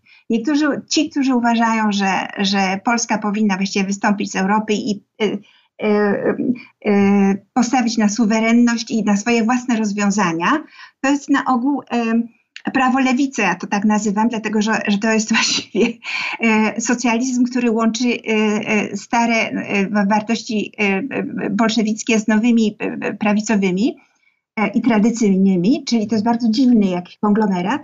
I to są ludzie, którzy na ogół mają stosunek sceptyczny do E, tych rozwiązań pandemicznych, które proponuje e, czy WHO, czy też Światowa Organizacja Zdrowia. Tak, dokładnie, i czy inne międzynarodowe organizacje. I w Stanach Zjednoczonych, jak wiadomo, mamy e, cowboyów, którzy od, odkrywa, którzy manifestacyjnie, demonstracyjnie zdejmują maski, łącznie z pre, prezydentem, prawda? Wiadomo, po której stronie barykady oni stoją. Czyli to jest jakby, jakby powiedziałabym dość ciekawa dość ciekawe pokrycie właśnie stosunku do pandemii y, i wyznawaną ideologią. Ale jednak nie ma pani wrażenia, że to mówimy jednak o zdecydowanej mniejszości. To znaczy, no w Polsce nie ma realnie y, funkcjonujących sił politycznych, które debatują na temat tego, czy w ogóle zwalczać pandemię. No, nikt nie podważa tego, że istnieje wirus. Oczywiście, że są grupy szaleńców w internecie, ale to są zupełnie co innego. Słusznie, ma pan rację, nie jest to tak skrajne jak w Stanach Zjednoczonych, ale ja sobie wcześniej przed rozmową z panem, panie Dariuszu, zobaczyłam sobie polski świat cyfrowy, czyli tych mediów społecznościowych i stwierdziłam, że na przykład ludzie, którzy się utożsamiają, powiedziałam, z poglądami, z Konfederacją i tak dalej, mają bardzo sceptyczny e, pogląd na szczepionkę na przykład. Uważają, że absolutnie nie, nie, to jest, e, to jest zupełne, to jest, to jest świętokradztwo. No ale ciągle wydaje mi się, że przynajmniej w Polsce tak mi się wydaje, że to jest ciągle margines. Czy to nie jest też doświadczenie olśniewające z, z innego punktu widzenia? To znaczy, to jest doświadczenie dla rządzących niezwykle istotne, że oto wszyscy jesteśmy naprawdę równi. Prawda? Mamy przykłady zarażeń na świecie wśród, akurat tak się złożyło, trzech przywódców, którzy no, mieli, powiedzmy sobie szczerze, bardzo lekceważący stosunek do y, COVID-u. To znaczy Boris Johnson, Jair Bolsonaro czy Donald Trump zachorowali. I trochę jest tak, że no wszyscy wobec COVID-u jesteśmy naprawdę równi. Czy ma pani poczucie, że to się przekłada w jakiś sposób na, y, y, na rządzenie ludźmi? Czy to pozostaje gdzieś obok? To znaczy, Donald Trump wyzdrowiał i, i stał się, nie miał żadnej epifanii, nie nastąpiła, tylko po prostu jest w dalszym ciągu jest tym samym, kim był. Oni się niczego nie nauczyli, żaden z nich rzeczywiście. Niczego się nie nauczył, co jeszcze raz potwierdza, że rządzą tymi krajami e, demagodzy i, i populiści i ludzie niekompetentni po prostu. To znaczy, że, że nie wyciągają wniosków, ani nie uczą się z historii, ani nie uczą się z własnej historii. Bo jeśli, e, jeśli a e, ta równość, o której Panu mówi, byłaby rzeczywiście częścią epifanii takiego Bolso, Bolsonaro, czy ta, takiego Johnsona, czy, czy, czy Trumpa, no to, to rzeczywiście to byłby zupełnie inny język. Natomiast y, Trump mówi, no jak to przyjemnie, zobaczcie wszyscy, jak to przyjemnie jest być prezydentem Stanów Zjednoczonych. Takiej opieki, jaką ja miałem, nikt na świecie nie ma, prawda? No, no, no, no, no jak można tak ludziom gadać? Także mam wrażenie, że i nie mówiąc też obraza, ludzi, którzy, y, y, powiedziałam, umierają codziennie, tracą bliskich, y, no i oczywiście ledwo wiążą koniec z końcem, bo, bo tracą pracę. E, czyli jest to, jest to szczyt impertynencji, niekompetencji i arogancji. Ja mam wrażenie, że jeśli chodzi o Borysa, to mamy przypadek zamętu. U niego ten zamęt jest chroniczny, według mojego przyjaciela Anthony Giddens, to jest e, lord w Izbie Lordów, ale jednocześnie też wielki socjolog angielski profesor Giddens stwierdził, że po prostu jest to e, przypadek chaotycznego e, polityka, który e, po prostu wygrał na, na, na, świetnych pomysłach, na świetnych hasłach i memach, ale nie wie, dalej, nie wie dalej, co z krajem zrobić, jak z tego wybrnąć. Pani profesor, chciałbym wrócić na koniec do doświadczenia skandynawskiego, a zwłaszcza doświadczenia norweskiego.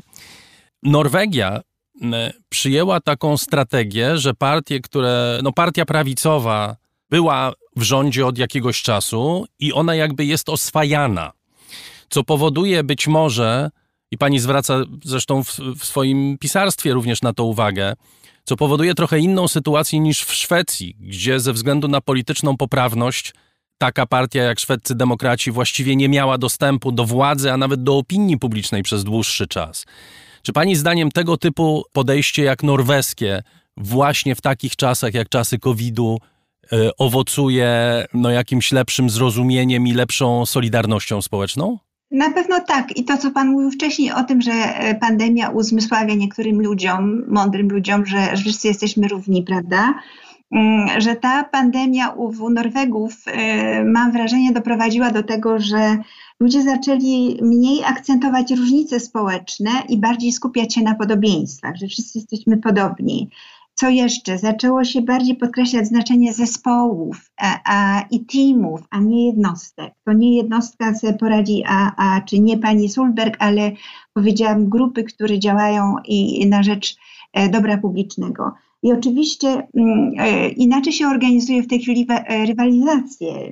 To, to nie jest rywalizacja między jednostkami, na przykład w przemyśle czy, czy, w, czy w, w ekonomii, tylko, czy, czy w innowacji, ale y, to jest, innowa- to jest rewolucja i, i, i, i rywalizacja mm, y, grup i zespołów, czyli to, to, to, to ta ważność zespołu, gdzie wszyscy są równi, stała się nagle ogromnie ważna. I została wygrzebana, powiedziałabym, z tych z tych, z tych, tych kronik o tym, jak należy, czy, czy, z, czy z etykiety, która zawsze obowiązywała w tych krajach, ale była trochę niewidzialna. W ogóle mam wrażenie, że Norwegia i Szwecja na różne sposoby to są kraje, których odbyła się ta rewolucja godności, o której ja piszę w książce pod tytułem e, Korzenie antyautorytaryzmu. To jest ta rewolucja godności, humanistyczna rewolucja godności, która się odbyła, a w Polsce się jeszcze nie odbyła, ona jest niedokończona. U nas jest rewolucja godności, owszem, ale jest rewolucja plemienna, to znaczy my i oni. Rewolucja oparta na podziale, rewolucja oparta na szukaniu kozła ofiarnego, na szukaniu wroga, na szukaniu winnych itd., tak itd. Tak Prawda? Przecież ostatnio rząd oskarżał służby zdrowia, bo już, przestał, już, już się mu znudziło oskarżanie sądów, no to teraz się rzucił na, na służbę zdrowia, to nie nasza wina, to jest wina służby zdrowia. No, proszę bardzo, ma pan tutaj różnicę między tymi krajami, jak na tacy, mówiąc o tym, że my, Polacy, mamy bardzo mały trening we współpracy i w dialogu. My wolimy, i nie mówiąc o, o kompromisach, prawda, my wolimy powiedziałabym, umrzeć honorowo e, e, i w osamotnieniu, e, e, uprawiając ten monolog, ale w przekonaniu, że mamy rację.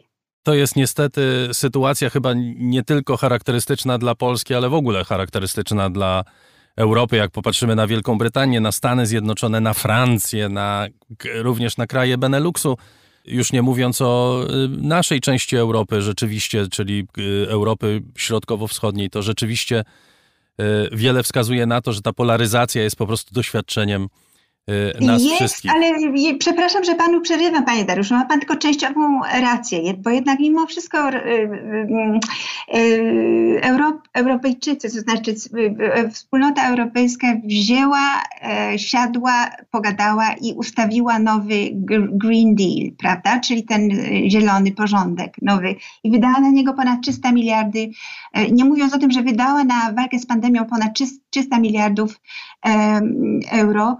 E, to, to wydaje następne 300 miliardów euro na, na, na ten zielony deal, który doprowadzi do prawdopodobnie renesansu czy rozkwitu innowacji technologii, nowych e, technologii y, zielonych i, i powiedziałabym postindustrialnych, które ułatwią nam życie w ciągu następnych dekad. Czyli jest jednak są te dwa nurty, jakby powiedziałabym, są te dwa, e, dwa, są te dwa, dwie strategie, dwa scenariusze, które cały czas widzę przed sobą. Jest ten pozytywny, który prowadzi do zjednoczenia świata przeciwko wspólnym katastrofom i jest ten, ten który, który prowadzi do e, no, pogłębienia egoizmu grup i społeczeństw. Bardzo dziękuję. Tutaj zawieszamy naszą rozmowę. Profesor Nina Witoszek z Centrum Rozwoju i Środowiska Uniwersytetu w Oslo. Zawieszamy, dlatego że pani profesor będzie gościem Warszawskiego Forum Europejskiego organizowanego przez Kulturę Liberalną. Raport o stanie świata jest partnerem medialnym tego wydarzenia. Forum fizycznie odbędzie się w Teatrze Polskim w Warszawie, ale ze względu na pandemię dostęp do niego jest wyłącznie w sieci. 20 października od 18 na kanałach YouTube oraz na stronie Facebooka Kultury Liberalnej będzie można śledzić przebieg konferencji. Zapraszam serdecznie, a pani profesor bardzo dziękuję za rozmowę. To ja dziękuję. Do usłyszenia.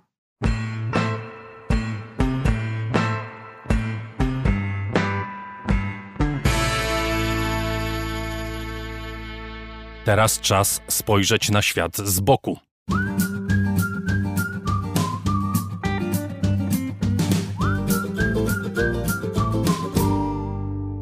Grzegorz Dobiecki o współczesnym francuskim bohaterze.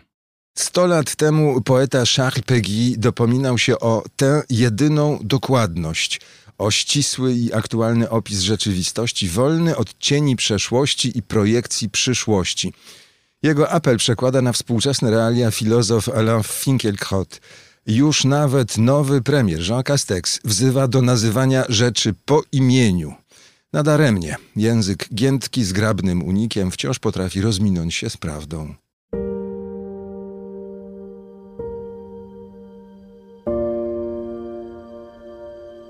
W paryskim parku imienia Arnaud Beltrama napis na płycie pamiątkowej wyjaśnia od kilku dni, kim był patron tego miejsca.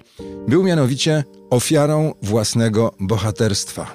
Proszę zapamiętać to epitafium. Wrócimy do niego po kilku niezbędnych informacjach dodatkowych.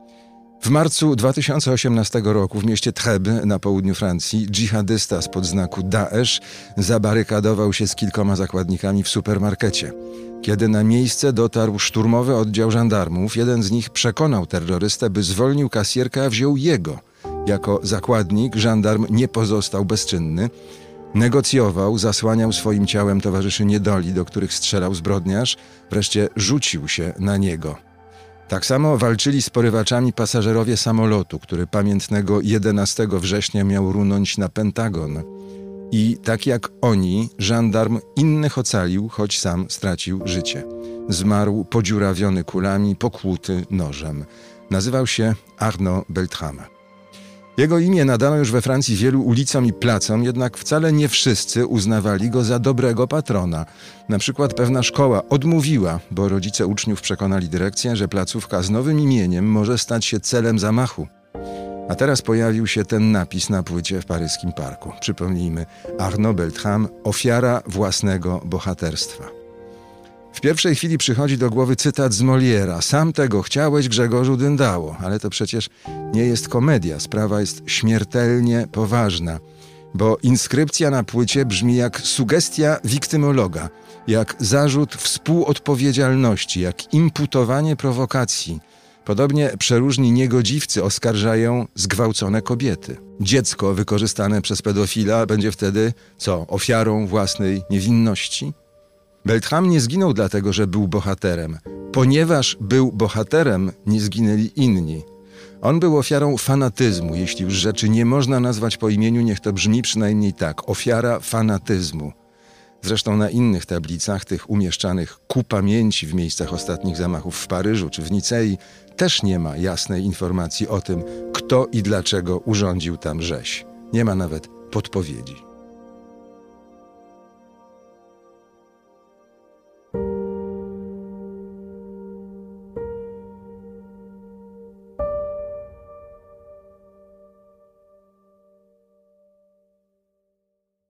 Teraz spotkanie z niezwykłym filmem i niezwykłą reżyserką, a to przy okazji wydarzenia, nad którym raport o stanie świata objął patronat medialny. Ukraina. Piąty festiwal filmowy odbędzie się w nadchodzącym tygodniu między 22 a 25 października w Warszawie i w sieci. Dziś spotkamy się z twórczynią jednego z ważnych filmów tego festiwalu. Mnóstwo powiedziano i pokazano na temat wojny w Donbasie ale film, o którym porozmawiamy za chwilę, jest z pewnością inny od relacji z linii frontu, analiz politycznych, czy nawet opowieści o dramatach ofiar tej wojny. Film nosi tytuł Ziemia jest niebieska jak pomarańcza, tytuł intrygujący, tak jak sama historia jest intrygująca. Opowiada o rodzinie, która żyjąc w małym mieście w Donbasie, w strefie frontowej, tworzy film o sobie – o swoim losie w czasie wojny. Film staje się dla Anny i jej dzieci formą ratunku, sposobem ocalenia najprostszych uczuć ludzkich, a przede wszystkim ocalenia rodziny. Irina Cilik, reżyserka filmu, jest z nami w raporcie o stanie świata. Witam cię, Irino. Good morning. Irina, sam tytuł sugeruje, że będziemy mieli do czynienia z czymś dziwnym. I ta historia jest dziwna tak jak mówiłem, nie ma tu opowieści o ludzkim cierpieniu, o brutalności tej wojny. To jest raczej wizja surrealistyczna, jak sugeruje tytuł, który jest fragmentem wiersza Paula Eluarda. Czy wojna w Donbasie jest surrealistyczna? Um, you know, everything has started from the idea to shoot uh, the group Początkiem wszystkiego był pomysł, by zrobić filmowy portret nastolatków, którzy żyją w strefie frontu i kręcą filmy. Oni działają w ramach bardzo interesującego projektu, który nazywa się Żółty Autobus. Profesjonalni filmowcy organizowali obozy filmowe dla dzieci i znalazłam się w gronie opiekunów takiej grupy. Gdy przyjechałam na obóz, uderzyła mnie bardzo dziwna atmosfera, która tam panowała moment uh, we had uh, some screenings for that teens. Na przykład organizowaliśmy pokazy filmów. Młodzież oglądała Bertolucciego, a na zewnątrz trwał ostrzał artyleryjski. Dochodziło do eksplozji. A te dzieciaki w ogóle nie zwracały uwagi na wybuchy. Gdy przyjeżdżasz do Donbasu na świeżo, Dostrzegasz mnóstwo takich surrealistycznych scen na każdym kroku. Kiedy zaczęliśmy nasze zdjęcia, przypatrywaliśmy się rodzinie, którą filmowaliśmy. Zachowywali się całkowicie normalnie, słuchali muzyki, oglądali filmy. Żyli normalnie, na przekór temu, co działo się na zewnątrz. Tak jakby ta wojna ich nie dotyczyła.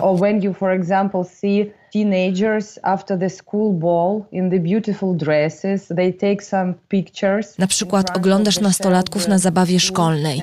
Dziewczyny w pięknych sukniach robią sobie zdjęcia na tle zbombardowanej wcześniej szkoły. Piękne dziewczyny, a za nimi czołgi. To są dla mnie surrealistyczne sceny. Uh.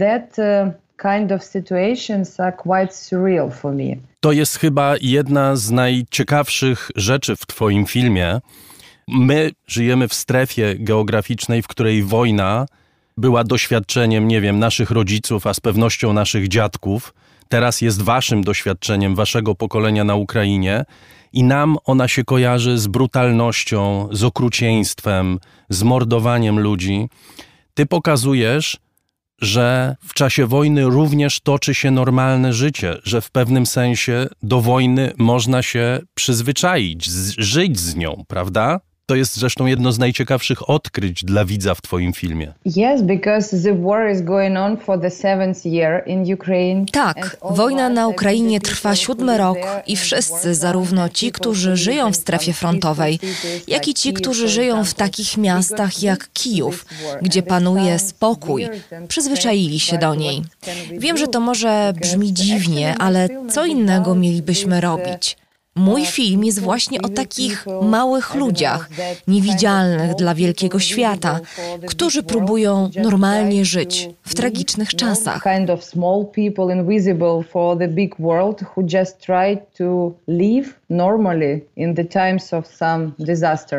Dokładnie. To znaczy, to jest z jednej strony film o wojnie, ale to jest film wielotematyczny, prawda? Mamy film o rodzinie, o dorastaniu w domu w którym nie ma ojca. Mamy film o miłości tej rodziny do siebie. Proponuję, żebyśmy te tematy rozebrali po kolei. Rodzina w Twoim filmie i pewnie rodzina to jest doświadczenie wielu ukraińskich rodzin. Rodzina to są kobiety, jeżeli mężczyźni to mali chłopcy, prawda? Bo cała reszta jest na froncie. Tak, tak, tak. And uh, also many people asked us why do we see only these women Wiele osób nas pyta, dlaczego pokazujemy tylko kobiety. Nie taki był mój cel. Tak wyszło. Mężczyźni są w tym filmie obecni właściwie tylko w postaciach żołnierzy stacjonujących w mieście. Ale to prawda. Ta wojna pokazuje, jak wiele jest wśród nas silnych kobiet, które biorą na siebie całą odpowiedzialność strong women that uh, just have some strength to, I don't know, to have everything on their shoulders. I to jest rodzina, która się bardzo kocha. To są ludzie niezwykle ze sobą zżyci. Robienie filmu przez nich to jest dla nich przedłużenie tej miłości, to jest osadzenie tej miłości w jakiejś takiej bardzo konkretnej pracy. I think that shootings of the films is uh, their way to tell some stories to the world. Myślę, że praca nad tym filmem jest dla nich szansą opowiedzenia historii światu i sobie uh, samym. I to jest też sposób mówienia do siebie nawzajem. I tak, to jest też sposób okazywania sobie miłości na różny sposób. Również przez rozmowy o sztuce i innych drobnych rzeczach, które pozwalają nam przeżyć. Dla mnie ważne było też podkreślenie, że ci ludzie nie są wyłącznie ofiarami wojny. Może kręcenie filmu jest sposobem pokazania, że nie akceptują siebie w roli ofiar. I to jest siła Twojego filmu że on nie jest sentymentalny. Ci ludzie nie są pokazani właśnie jako takie bezwładne ofiary, które próbują z trudem utrzymać się na powierzchni ziemi. Te wszystkie dziewczyny, czy Anna, czy, czy, czy nawet chłopcy, nawet dzieci, to są osobowości, prawda? Oni się kłócą na planie tego filmu, tak jak zresztą na, na planie każdego filmu, prawda? To widać, że to są ludzie, którzy tym realnie żyją, że wojna może się toczy, ale my mamy swoje życie. I to jest nasza forma, nie wiem, protestu przeciwko tej wojnie, że my żyjemy w innym świecie. Yes, absolutely. And you know, I adore these people and I actually I wanted to shoot the film about uh, that kind of Ukrainians that have some power. Podziwiam tych ludzi. Chciałam nakręcić film o Ukraińcach, którzy są silni, którzy umieją cieszyć się życiem. Mimo wszystko, mamy tak dużo filmów o tej wojnie, o ofiarach. Chciałam na nią spojrzeć z innego punktu widzenia. Moi bohaterowie nie są słabi, mają specyficzną siłę. Uh. Opowiedz, jak wyglądała praca nad tym filmem. Kamera jest bardzo blisko tej rodziny. Zupełnie inna tematyka, oczywiście, ale mnie się to kojarzyło z krainą miodu. To znaczy z takim filmem, który zdecydowanie przekracza granice tradycyjnego dokumentu, który wchodzi gdzieś w fikcję. Powiedz, czy sceny były inscenizowane, czy po prostu byliście świadkiem życia tej rodziny i jak udało się chyba zdobyć ich zaufanie. To jest podstawowa kwestia, żeby oni się czuli swobodnie przy kamerze. No, we don't have staged scenes in this film, that is true. Nie, nie inscenizowaliśmy scen. To był mój debiut. Ten film stanowił dla mnie wielkie wyzwanie i szybko zrozumiałam, że kiedy kręcisz portret filmowy, a ten film jest właściwie takim portretem, musisz być jak najbliżej swoich postaci. Kręciliśmy przez rok, żyliśmy z naszymi bohaterami, zaprzyjaźniliśmy się z nimi, staliśmy się częścią tej rodziny rodziny. I staraliśmy się przyjąć rolę milczącego obserwatora, który co jakiś czas włącza kamerę. Nasze bohaterki były od początku bardzo otwarte, czuły się swobodnie, a dla mnie to było niezbędne, by zarejestrować ich reakcje. Kiedy płakały, śmiały się, kłóciły się, debatowały, czy robiły wszystko to, co robią inni ludzie na całym świecie. To była długa podróż, duże wyzwanie, by stać się dla nich niewidzialnym. So that was how to say a long journey and a big challenge how to become so invisible for them. Czy ten film powstawał przez cały ten rok? To znaczy, czy jak zaczynałaś film, to mniej więcej wiedziałaś, do czego zmierzasz? Czy scenariusz powstawał po drodze, jakby? You know, uh, some documentary filmmakers say that uh, Niektórzy dokumentaliści mówią, że scenariusz filmu dokumentalnego powstaje trzy razy. Za każdym razem piszesz go, kiedy pojawia się pomysł i plan realizacji. Potem, w trakcie zdjęć, kiedy wiele rzeczy się zmienia. Ale najważniejszy jest ten trzeci scenariusz, który powstaje na stole montażowym. My kręciliśmy i montowaliśmy jednocześnie. Wielokrotnie zmieniałam scenariusz, bo nieustannie zastanawiałam się, co jest najważniejsze, co jest warte zachowania, co możemy wyrzucić.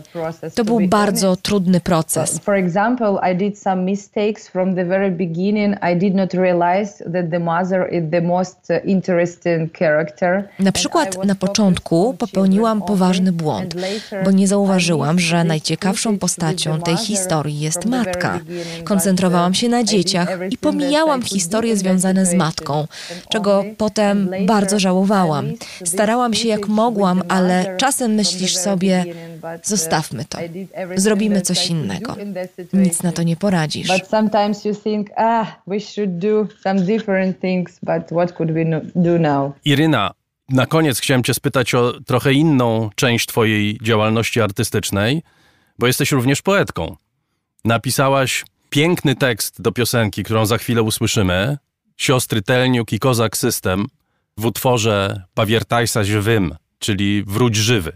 Cudna, niezwykle wzruszająca pieśń, zresztą za chwilę się Państwo przekonają. Uciekasz w poezję, jak Cię zmęczy bieganina wokół filmu? I do both things, literature and uh, cinema. And you know sometimes uh, it crosses each other sometimes it's like some parallel dimensions Uprawiam literaturę i film równocześnie. Czasem się krzyżują, czasem biegną równolegle. Ale tak, lubię pisać, piszę poezję i prozę. A teraz pracuję nad filmem. To będzie mój pierwszy pełnometrażowy film fabularny, oparty na powieści mojego męża, Artema Czecha. Nawiasem mówiąc, on jest e, znany w Polsce. Wydano u was dwie jego książki. I to jest bardzo ciekawe, że jego literatura, moja literatura i moje filmowanie spotkały się przy moim kolejnym filmie. Więc tak, obie te sfery współistnieją w mojej twórczości. Uh, so yes, uh, it exists so close. I mean, all that literature experiences and all that filming. So that is quite interesting. Powodzenia z Twoim filmem i z Waszą pracą, tak samo z pracą Artema. Irina Tsilik była gościem raportu o stanie świata, ukraińska reżyserka, pisarka.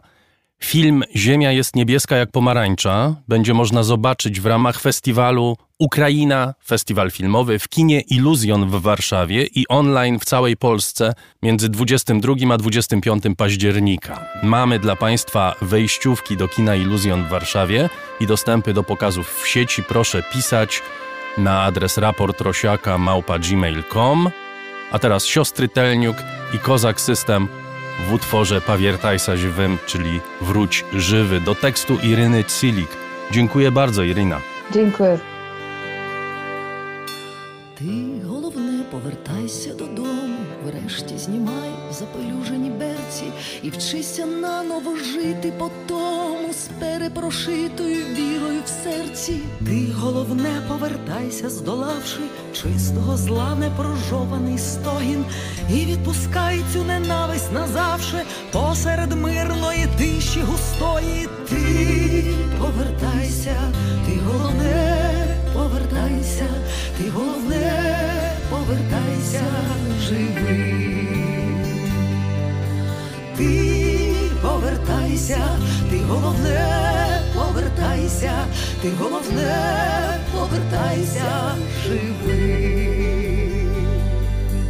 Ти головне, повертайся тим шляхом, що вбереже твою душу і тіло, чорна земля із розпеченим пахом, тільки дощу, а не крові хотіла. Ти головне, повертайся до мами, десь там сивіючи завидно колом. Матері тужать і дружать до мами, що пахнуть ніжністю та корвалолом. Ти повертайся, ти головне, повертайся, повертайся живий. Ти повертайся, ти головне, повертайся, ти головне, повертайся живий. Ти головне, повертайся назовсім і народи, посади споруди, а вже у твоєму дитиську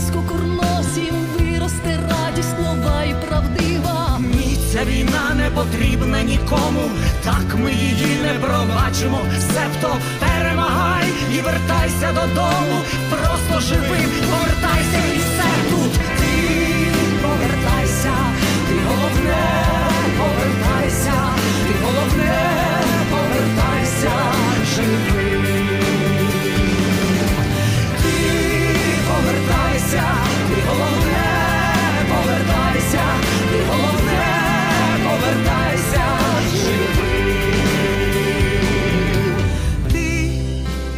повертайся, ти головне, повертайся. Ти головне, повертайся живим. Ти повертайся, ти головне, повертайся, ти головне, повертайся, живий.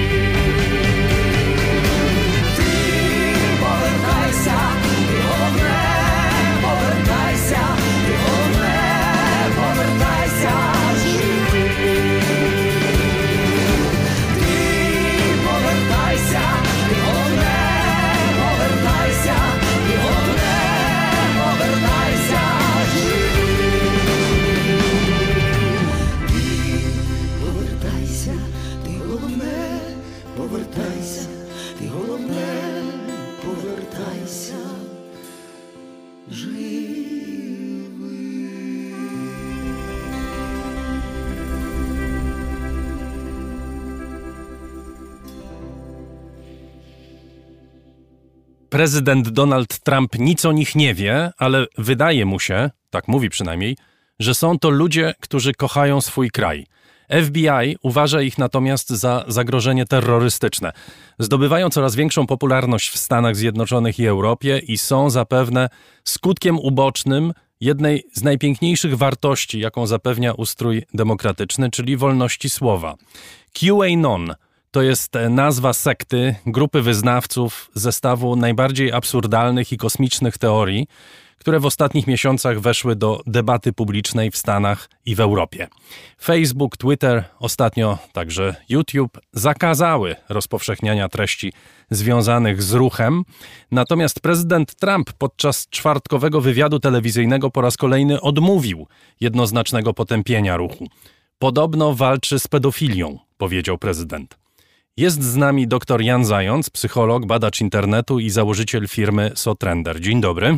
Dzień dobry Państwu. Czym jest QAnon? No to już Pan właśnie powiedział, to ja bym tak ładnie tego nie ujął. Można jeszcze powiedzieć w inny sposób, że jest to dość nowa teoria spiskowa, zakładająca, że e, na szczytach władzy Stanów Zjednoczonych toczy się jakaś walka, toczą się zmagania pomiędzy z jednej strony administracją prezydenta Trumpa, który to wraz z najbliższymi współpracownikami o wszystkim wie, ale nie może wszystkiego powiedzieć, i z drugiej strony jakąś taką grupą, sektą, która wyznaje szatana, zajmuje się y, różnymi aktami pedofilskimi i handlem dziećmi y, i tego rodzaju aktywnością. No i pewnego zarazem oczywiście ma bardzo znaczny udział w różnych organach władzy w elicie Stanów Zjednoczonych.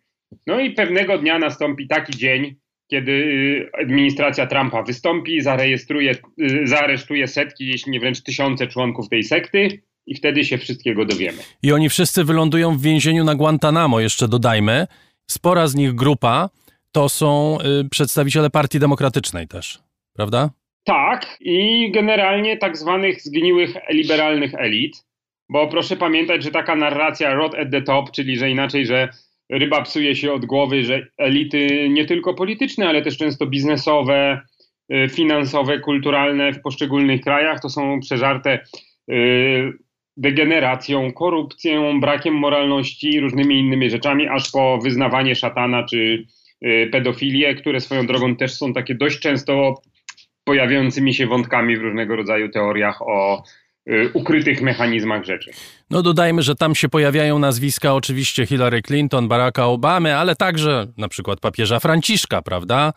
To są również ludzie, którzy wierzą, że John y, Kennedy y, żyje. Y, no nie mówiąc o tym, że rodzina Rothschildów kontroluje y, światowe banki, y, co nie tylko wyznawcy QAnona w to wierzą. Dobrze, to są, to są kosmiczne teorie, powiedzmy sobie szczerze, które pewnie gdzieś tam wykraczają poza akceptowalny poziom debaty publicznej, jeżeli coś takiego w ogóle w naszych czasach istnieje, ale jak sam pan wspomniał, to nie są nowe teorie. Na przykład jedną z rozpowszechnianych przez QAnon tez jest historia o tym, jak ci właśnie pedofile porywają dzieci po to, żeby im toczyć krew i uzyskiwać z niej związek o nazwie adrenochrom, to jest pochodna adrenaliny, która ma przedłużać życie. To brzmi oczywiście znajomo, porywanie y, dzieci przez Żydów, mordowanie ich, używanie ich krwi y, do produkcji macy. To gdzieś da się tą linię rozumowania tej grupy ludzi właśnie przeciągnąć do historycznych tez spiskowych i teorii spiskowych? Bardzo wiele z takich elementów pojawiających się w różnych teoriach spiskowych yy, się powtarza na różne sposoby. To świetnie pokazał chociażby Umberto Eco yy, w jednej ze swoich książek. Yy, co więcej, teorie spiskowe są bardzo pojemne. One umożliwiają, one są zwykle rozmyte, to nie jest takie super jasne, tam się pojawiają jakieś nowe elementy, niektóre odżywają. Yy, dość trudno jest określić, co jest tam e, bardziej, co mniej prawdopodobne, bo pamiętajmy, że tam taką naczelną zasadą jest, że jeśli brakuje dowodów, to świadczy to tylko o tym, że były bardzo niewygodne i dlatego zostały ukryte. Natomiast rzeczywiście w przypadku tych teorii określanych, jak on nazwę QAnon, to jest raczej no, trudno znaleźć tam cokolwiek, co byłoby choćby nawet zalążkiem tego, coś, co byłoby poparte jakąś, y, jakimiś faktami, czymś y, y, niebudzącym sprzeciwu. Y, nawet budzącym sprzeciw. Tutaj ch- chciałbym, żebyśmy jasno mm, sobie to powiedzieli, bo to nie chodzi o to, że są to tezy do dyskusji, na przykład tezy do dyskusji na temat tego, jak zwalczać skutki COVID-u, bo to jest całkowicie uprawniona debata na temat tego, czy cena, którą płacimy za zwalczanie COVID-u jest warta zapłacenia, prawda? Wydaje mi się i myślę, że wielu ludziom na świecie wydaje mi się, że ta debata y, powinna się toczyć i być, może nie toczy się na tym poziomie, na jakim powinna właśnie się toczyć. Ale tutaj mówimy o teoriach, które są kompletnie y, wyjęte z kosmosu. To znaczy nie ma żadnych podstaw, żeby wierzyć w cokolwiek, co oni mówią. Nie ma. Y, I dodajmy jeszcze, bo skoro jesteśmy przy technikaliach, zaraz przejdziemy do, y, do polityki i do psychologii, ale y, pojawia się też y, postać Q. I to chyba nie jest wpływ Jamesa Bonda. Mam takie wrażenie, że to jest rozrywka zbyt wysublimowana dla, dla zwolenników tego ruchu, ale Q to jest osoba, która rozpowszechnia te historie. To jest człowiek, który je dystrybuuje poprzez internet w bardzo różny sposób. No właśnie, z tego co ja wiem, to Q to jest tutaj odniesieniem do stopnia poufności informacji. Yy, trochę tak jak tak tajne czy classified czasem się używa tego rodzaju określeń. Natomiast to nawet yy, właśnie no nie wiadomo kto to jest, jest ileś podejrzeń, łącznie z tym, że może to są dwie osoby, a może to jest grupa osób, a może to jest nawet sam Donald Trump. No on by nie miał czasu, prawdopodobnie. Ilu ludzi wierzy y, w to, co mówi QAnon i to, co rozpowszechnia QAnon? Wiemy mniej więcej? Mm, Nie, myślę, że nie wiemy. Natomiast myślę, że to jest to jakby to, kto w to wierzy, to jest tylko jeden, e, jedna interesująca liczba, a druga dla mnie jeszcze ciekawsza, to by było kto wątpi, czy kto się zastanawia, bo pamiętajmy, że przy tego rodzaju sensacyjnych teoriach, pomysłach, to bardzo ważne jest nie tylko kto je podziela, ale też kto pomyśli, kurczę, no może jednak warto się nad tym zastanowić, może oni mają trochę racji, a może te sprawy nie wyglądają rzeczywiście tak jasno. I tutaj odwołam się do y, kwestii szczepionek, bo y, można przecież podzielić y, osoby, jakby całą populację w danych krajach. Takie badania są prowadzone na trzy grupy. Osoby, które są chcą szczepić siebie, dzieci, nie mają co do tego wątpliwości. Z drugiej strony mamy tak zwanych antyszczepionkowców, natomiast bardzo ciekawa i rosnąca grupa od zależności, to są tak zwani vaccine hesitant, czyli ci, którzy no, zastanawiają się, czy warto, czy trzeba, a czy już, a może później, a może tylko niektóre szczepionki. Yy, No i w krajach tak zwanych rozwiniętych czy za- zachodnich to jest od kilkunastu, nawet do kilkudziesięciu procent populacji w tej chwili do tej grupy się zalicza. I o ile my sobie tutaj możemy tak porozmawiać, tak jak pan wprost mówi, że to są jakieś dziwne, kosmiczne pomysły, i myślę, że naprawdę stosunkowo niewiele osób będzie skłonnych, żeby w to tak uwierzyć zero-jedynkowo, ale już w to, żeby powiedzieć, że może coś jest na rzeczy i coś, czego nie wiemy i jakieś ukryte dno, to już znacznie więcej osób może się nad tym zacząć zastanawiać i tam ich działanie będzie tak naprawdę znacznie skuteczniejsze i dalej idące. Czy tutaj widzi pan podstawowe zagrożenie tych teorii, tych tez dla społeczeństwa? Myślę, że tak, dlatego że tak naprawdę to nam komplikuje świat i to nad czym można dyskutować, a nad czym nie. Znowu już tutaj odchodząc może od tak e, ekstremalnych przypadków, zwróćmy uwagę, że w ciągu ostatnich 20-30 lat, między innymi, ale nie wyłącznie na skutek e, rozpowszechnienia się internetu i zwłaszcza mediów społecznościowych, wiele tematów, które wcześniej wydawało się wyjaśnione, i rozstrzygnięte, typu na przykład szczepionki, nagle się okazało, że znowu są jakimś tam przedmiotem debaty, że y, osoby czy ruchy, które protestują y, przeciwko obowiązkowym szczepieniom, wchodzą na przykład do parlamentów, że tego rodzaju postulaty są poruszane przez y, partie polityczne, które mają jakąś tam siłę w parlamencie, nawet jeśli to nie jest na zasadzie znieśmy obowiązkowość szczepień, ale na przykład na zasadzie, że zastanówmy się, czy na pewno wszystkie szczepienia powinny być obowiązkowe.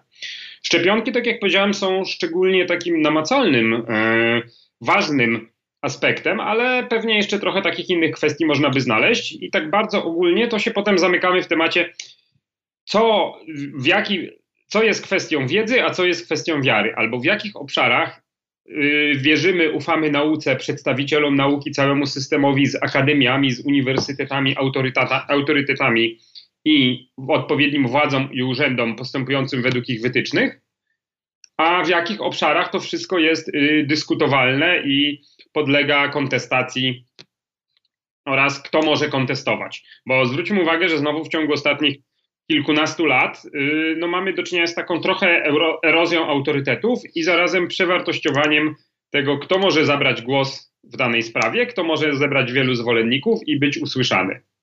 Może niekoniecznie profesor uniwersytetu ze swoimi wyważonymi sądami, który będzie dzielił włos na czworo i pokazywał różne zróżnicowane odcienie, tylko być może nastoletni, a może trochę starszy youtuber, który w sprytny sposób i bardzo emocjonalny będzie się do różnych tematów odnosił i nagle się okaże, że setki czy tysiące nawet osób go oglądają, udostępniają dalej i wspierają. Mówi pan, że przestaliśmy wierzyć ekspertom i przestaliśmy akceptować rzeczy, które jeszcze do niedawna wydawały się e, całkowicie pewne, no, właściwie niepodlegające dyskusji, ale z drugiej strony my żyjemy w takich czasach, kiedy niepewność jest nie do przyjęcia, zwłaszcza w debacie publicznej. To znaczy, jakby ktoś wyszedł e, i w telewizji wystąpił i powiedział, że on tak naprawdę nie wie, jak należy, co należy robić, żeby opanować sytuację z COVID-em związaną. Prawda jest taka, że większość polityków nie ma pojęcia, jak e, sobie z tym radzić, bo my nie wiemy, czym jest COVID, nie wiemy tak naprawdę, jak ten wirus działa, nie wiemy, jak będzie działał za trzy miesiące. Wiemy to, co wiemy do dziś, prawda? I możemy mniej więcej prześledzić historię. Natomiast każdy, kto wyjdzie i powie: Słuchajcie, no ja nie mam pojęcia, co z tym robić, zostałby zmieciony z powierzchni mediów, prawda? Ta niepewność jest do, nie do przyjęcia, a zatem, jeżeli ktoś przychodzi z prostymi rozwiązaniami, to staje się atrakcyjny. Niestety problem polega na tym, że żyjemy w świecie coraz bardziej złożonym, wymagającym myślenia systemowego, ale też zaufania jakimś ekspertom czy źródłom, by nikt nie jest w stanie zrozumieć wszystkiego, co się dzieje, czy posiąść całej wiedzy. A zarazem również dzięki zmianom y, na rynku mediów Yy, mamy sytuację, w której przekaz prosty, jednoznaczny jest najlepszy. I tak jak pan powiedział, za bardzo nie ma miejsca na wahanie się i zastanawianie, przynajmniej w sferze publicznej, bo proszę zwrócić uwagę, że na przykład kiedy zejdziemy na znacznie yy, mniejszą skalę, to często wygląda zupełnie inaczej. Nagle się okazuje, że w rodzinie stało się jakoś jasne, że różne osoby mogą mieć coś do powiedzenia i nie ma jednej głowy rodziny, która może wszystkim rozkazać i wszystko wie najlepiej, tylko w pewnych sprawach rodzice się słuchają dzieci, czy radzą się. Pewne, pewne sprawy decydujemy razem, a w pewnych sprawach dorośli, to czy to mąż, czy żona, czy jeszcze ktoś inny ma decydujące zdanie. Mało tego, w firmach, w biznesie na zupe w zupełnie inny sposób sobie e, niektóre przynajmniej firmy z tą niepewnością radzą. Przez wprowadzanie jakichś systemów testowania, robienia czegoś na próbę. Zobaczymy, jak pójdzie. To może jak pójdzie dobrze, to zrobimy na większą skalę. I na przykład w tworzeniu oprogramowania, czy jakoś tam w moim obszarze, yy, podejście takie zwinne, gdzie jakby w zasadzie zakłada się od początku, że ta niepewność jest dość duża i staramy się ograniczyć, ale takie eksperymentowanie i to, że nie wie, czasem nie wiemy, do, do czego dążymy na końcu, tylko idziemy małymi krokami i tylko wiemy, na czym będzie polegał następny krok, to jest zupełnie naturalne, akceptowalne, sprawdza się i stało się to wręcz kanonem tego, jak działają firmy informatyczne. I nagle w sferze publicznej, czyli tam, gdzie tak naprawdę chodzi o coś znacznie ważniejszego, większego niż biznes, gdzie mamy znacznie więcej osób, na takie podejście nie ma miejsca. oczekuje się jasnych, prostych rad i żeby wszyscy wiedzieli, co ma być zrobione, co ma powstać. Mówimy o zagrożeniach związanych z, z takimi teoriami y, spiskowymi, trochę na takim poziomie y, wysokim. Natomiast zapominamy, że to również może mieć bardzo konkretne skutki dla społeczeństwa. Ja chciałem tylko przypomnieć, że QAnon, czy jednym z korzeni tego QAnon jest y, taka historia, która w Stanach Zjednoczonych funkcjonuje pod kryptonimem Pizzagate sprzed chyba trzech czy czterech lat, kiedy pojawiła się taka teza, że jedna z pizzerii waszyngtońskich jest właśnie opanowana przez tą siatkę satanistyczno-pedofilską i za każdym razem jak się zamawia pizzę, to porywane jest jedno dziecko. I jakkolwiek brzmi to absurdalnie, to spora grupa ludzi w Ameryce zaczęła w to wierzyć. Skończyło się to tym, że po prostu człowiek z bronią zjawił się pod y, tą pizzerią i musiał zostać obezwładniony y, przez policję te zagrożenia są bardzo konkretne. To znaczy, za chwilę będziemy mieli prawdopodobnie przynajmniej jedną kongresmenkę w kongresie amerykańskim, Marjorie Taylor Greene, której związki z, z QAnon są niepodważalne. A zatem to jest pewien efekt kuli śniegowej, który może mieć wpływ po prostu na to, jak my funkcjonujemy. Same poglądy wygłaszane często przez prezydenta Stanów Zjednoczonych, jakby nie było prawdopodobnie najpotężniejszą osobę na świecie wciąż, też bardzo często odbiegają od kanonu wiedzy, czy wydają się wręcz absurdalne. Tak jak najbardziej e, jaskrawy przykład sprzed paru miesięcy, ta rada, że może rzeczywiście picie czegoś podobnego do naszego domestosa może pomóc w walce z COVID-em, po którym to, y, Radzie w ciągu y, najbliższej doby hospitalizowano w Stanach Zjednoczonych przynajmniej kilkanaście osób. Czy można się przed czymś takim bronić? Jeśli tak, to jak? Czy też po prostu trzeba zaakceptować, że to jest właśnie skutek uboczny wolności słowa yy, i możemy co najwyżej bronić się przed skutkami takich działań, że to jest bardziej kwestia dla psychiatry czy dla policji, a nie dla społeczeństw, które ustalają zasady, yy, według których funkcjonują. No, proszę pamiętać, że społeczeństwa czy poszczególne kultury trochę się różnią spojrzeniem na wolność słowa i to, co w pewnych krajach jest jeszcze dozwolone, w innych już dozwolone nie będzie. Plus też jest to negocjowane, typu na przykład różnego rodzaju kary za negowanie Holokaustu, które się y, na przestrzeni ostatnich lat w prawodawstwach niektórych krajów pojawiały, bo wcześniej ich nie było. E, więc to też jest jakoś y, społecznie negocjowalne. I nie mogę wykluczyć, że jeśli rzeczywiście tak dużym problemem będzie, powiedzmy, negowanie nauki, czy zwłaszcza w obszarze szczepienia, walki z COVID-em, to pewnie część państw zwłaszcza zachodnich, wprowadzi bardzo konkretne sankcje za zaprzeczanie czy y, niepoddawanie się różnego rodzaju rygorom. Natomiast czy można z tym walczyć? No, długofalowo powiedziałbym, że jednak y, tutaj radą powinna być edukacja z jednej strony, czyli uczenie ludzi krytycznego podejścia, poszukiwania źródeł, czy szerzej myślenia systemowego, zrozumienia świata, jak on działa. Y, no ale z drugiej strony jednak też jakieś działania, powiedzmy, na rynku mediów i platform, które zresztą powoli, ale bardzo powoli się toczą, jak sam pan wspomniał wcześniej. Akurat QAnon został y, przyblokowany na Facebooku, na Twitterze, na YouTubie i pewnie tego rodzaju ingerencji w wypowiedzi czy treści publikowane na tych platformach będzie coraz więcej. Dziękuję bardzo. Dr Jan Zając, psycholog, badacz internetu i założyciel firmy Sotrender był gościem raportu o stanie świata. Dziękuję bardzo. I to już prawie wszystko w raporcie o stanie świata. Proszę nas słuchać ile chcecie. Są już trzy programy do wyboru. Przypominam, sobota raport główny, w środę raport na dziś, w drugi poniedziałek miesiąca raport o książkach.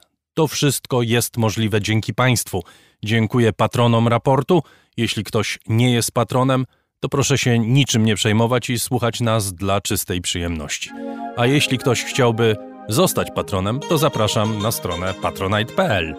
Agata Kasprolewicz, Chris Wawrzak, Dariusz Rosiak, dziękujemy. Na koniec jeszcze ukraiński zespół Skriabin.